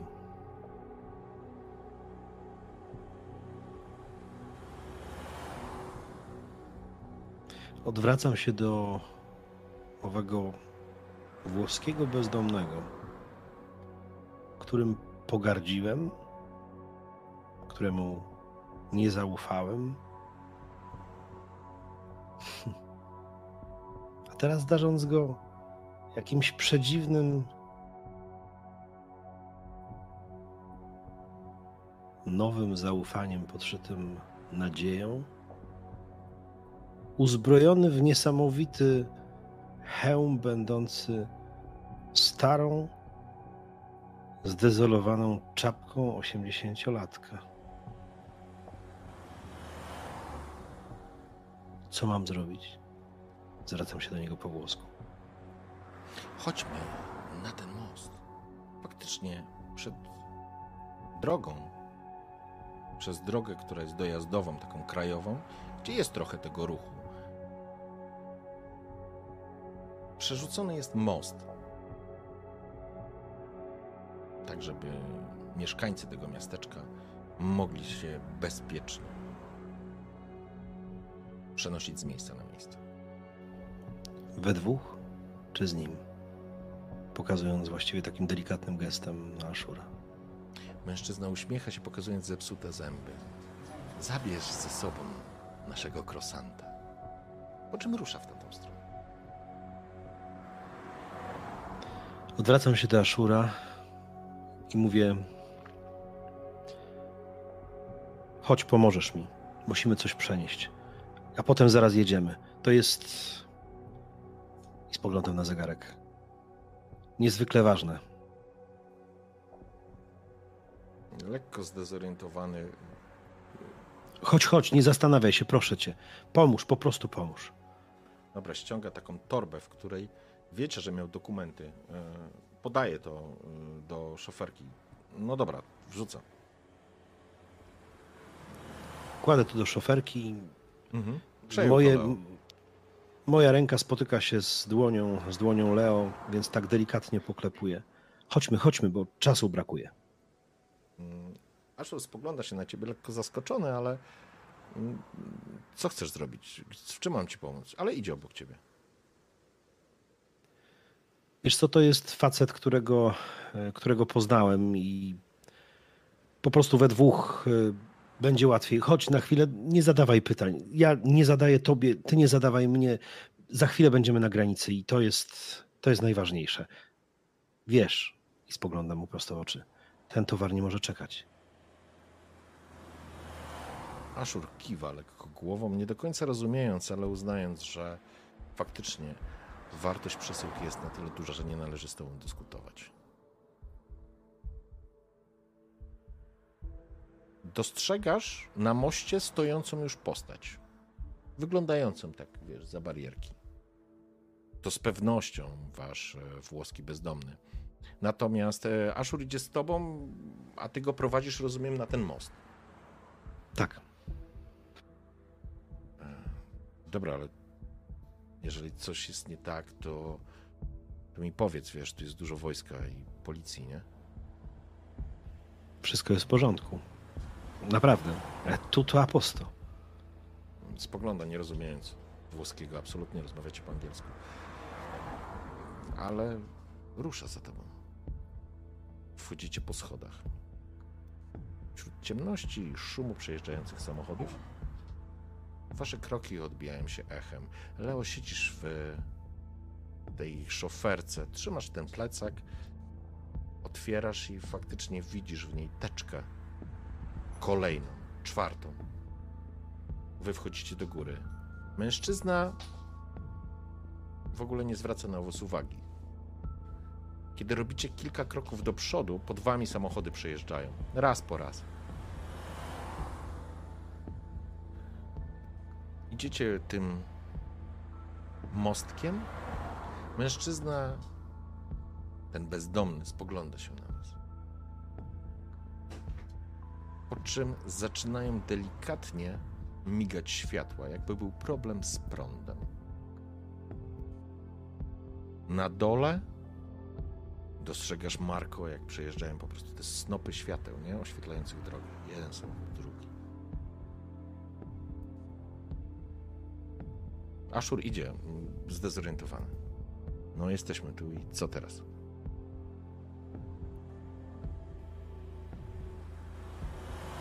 Spoglądam na bezdomnego, na jego twarz, na jego oczy.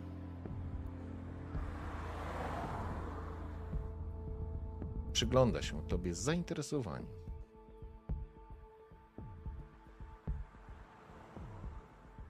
Jak daleko mamy do granicy? Pyta Ashura. Kilka kilometrów. Miasteczko jest przy granicy właściwie. Nie ma innej drogi? Z takim towarem i takim samochodem to jedyna droga. Zresztą wszystko jest ustawione. Nie Okej, się. ale spójrz na dół. Zobacz, jaki tu jest ruch. Czy to jest na pewno bezpieczne? Nie ma innej drogi? rozgląda się. Taki zdezorientowany. Co się dzieje? O co ci chodzi? I kiedy patrzy w dół na przejeżdżające samochody, na snopy świateł, już raz wyciągałem nóż z ciała. I ten nóż jakoś dziwnym trafem, mimo zmiany samochodu, jednego, drugiego, kolejnego.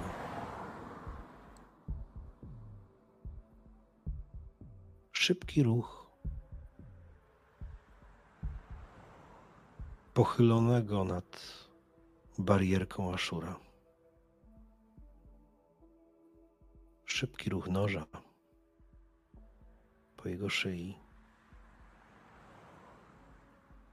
Nie ma innej drogi. Ostrze wskoczyło ci do dłoni i szybko ruszyło w kierunku Ashura. On nie zdawał sobie sprawy. Światło przygasło. Jakby w odpowiednim momencie zabrakło prądu albo pojawiały się jakieś problemy. Zaskoczony Ashur zdążył się tylko złapać za gardło, nie rozumiejąc, co się dzieje. Kiedy tętnice z tętnic przeciętnych. Moli, przepraszam. Standard. Proszę stąd. wyjść. Proszę. Zapraszam. Kluczowa scena, jak zwykle. Przychodzisz i standard po prostu moli cicho. Przepraszam, ale z otwartych tętnic bucha krew. Mężczyzna z przerażeniem próbuje się złapać, próbuje ciebie chwycić. Zaskoczony. Ale to już jest koniec. Przechylasz go, pomagasz mu przechylić się przez barierkę. Po chwili Ashur ginie w ciemności i słyszysz dźwięk uderzenia o drogę. Mężczyzna, który stoi obok ciebie, podchodzi, delikatnie się uśmiecha, ale nie tak triumfalnie, to nie o to chodzi. Tak jakby, jakby sprawiło mu to przyjemność. Wychyla się przez barierkę. Patrz, przyjacielu. Dzieci autostrady też muszą coś jeść. I masz wrażenie, jak leżące ciało na drodze w tym momencie nie przejeżdża żaden samochód. Widzisz jakby z jednej i z drugiej strony, spod tego mostu, z tej pustej trawy, jakby za, mm, wiesz, za tego słupów, pojawiały się cienie dziwnych istot, jakby idących, trochę jak serat, ale to nie to, jakby mniejszych, wpadają na leżącego tam Ashura. To trwa moment, bo kiedy przyjeżdża kolejny samochód, i światło, snopy świateł padają w to miejsce, widzisz tylko czerwoną plamę krwi. Mężczyzna stojący obok obejrzał się na ciebie. Możemy ruszać. Nie przejmujcie się Syrią. Trafimy bezpośrednio do Bejrutu. Po czym schodzi i rusza do samochodu jakby trochę prowadząc. Kazotto, chciałbym, żebyś sobie obniżył dwa poziomy stabilności. Poziom tego, co tu się dzieje, jest po prostu. jest już tak absurdalny. Kiedy widzę ich, odpalam silnik. Mhm. No i czekam. Czekam na pewno na Marko i Mam nadzieję, że ten drugi gość nie będzie chciał z nami jechać. Jakąś mam taką podskórno, podskórne poczucie, że po prostu boję się tego gościa.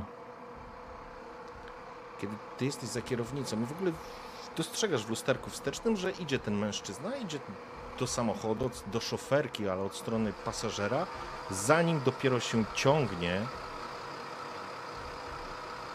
Kazotto, który idzie jakby był wiesz, ma na sobie tą czapkę i masz wrażenie, że poprawia tą czapkę, jakby naciągał ją mocniej. Drzwi od szoferki się otwierają. Wskakuje do szoferki mężczyzna, którego widziałeś. Było na sera. Siada na środku. Drzwi są otwarte. Eee, Leopold. Tak, tak. E, więc teraz z tobą mamy jechać?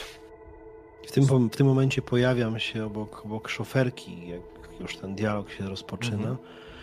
I właściwie przerywając tą rozmowę, wskakuję i mówię: No, na Verpaura.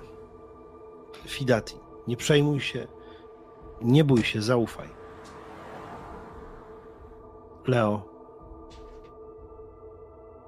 jesteśmy po dobrej stronie.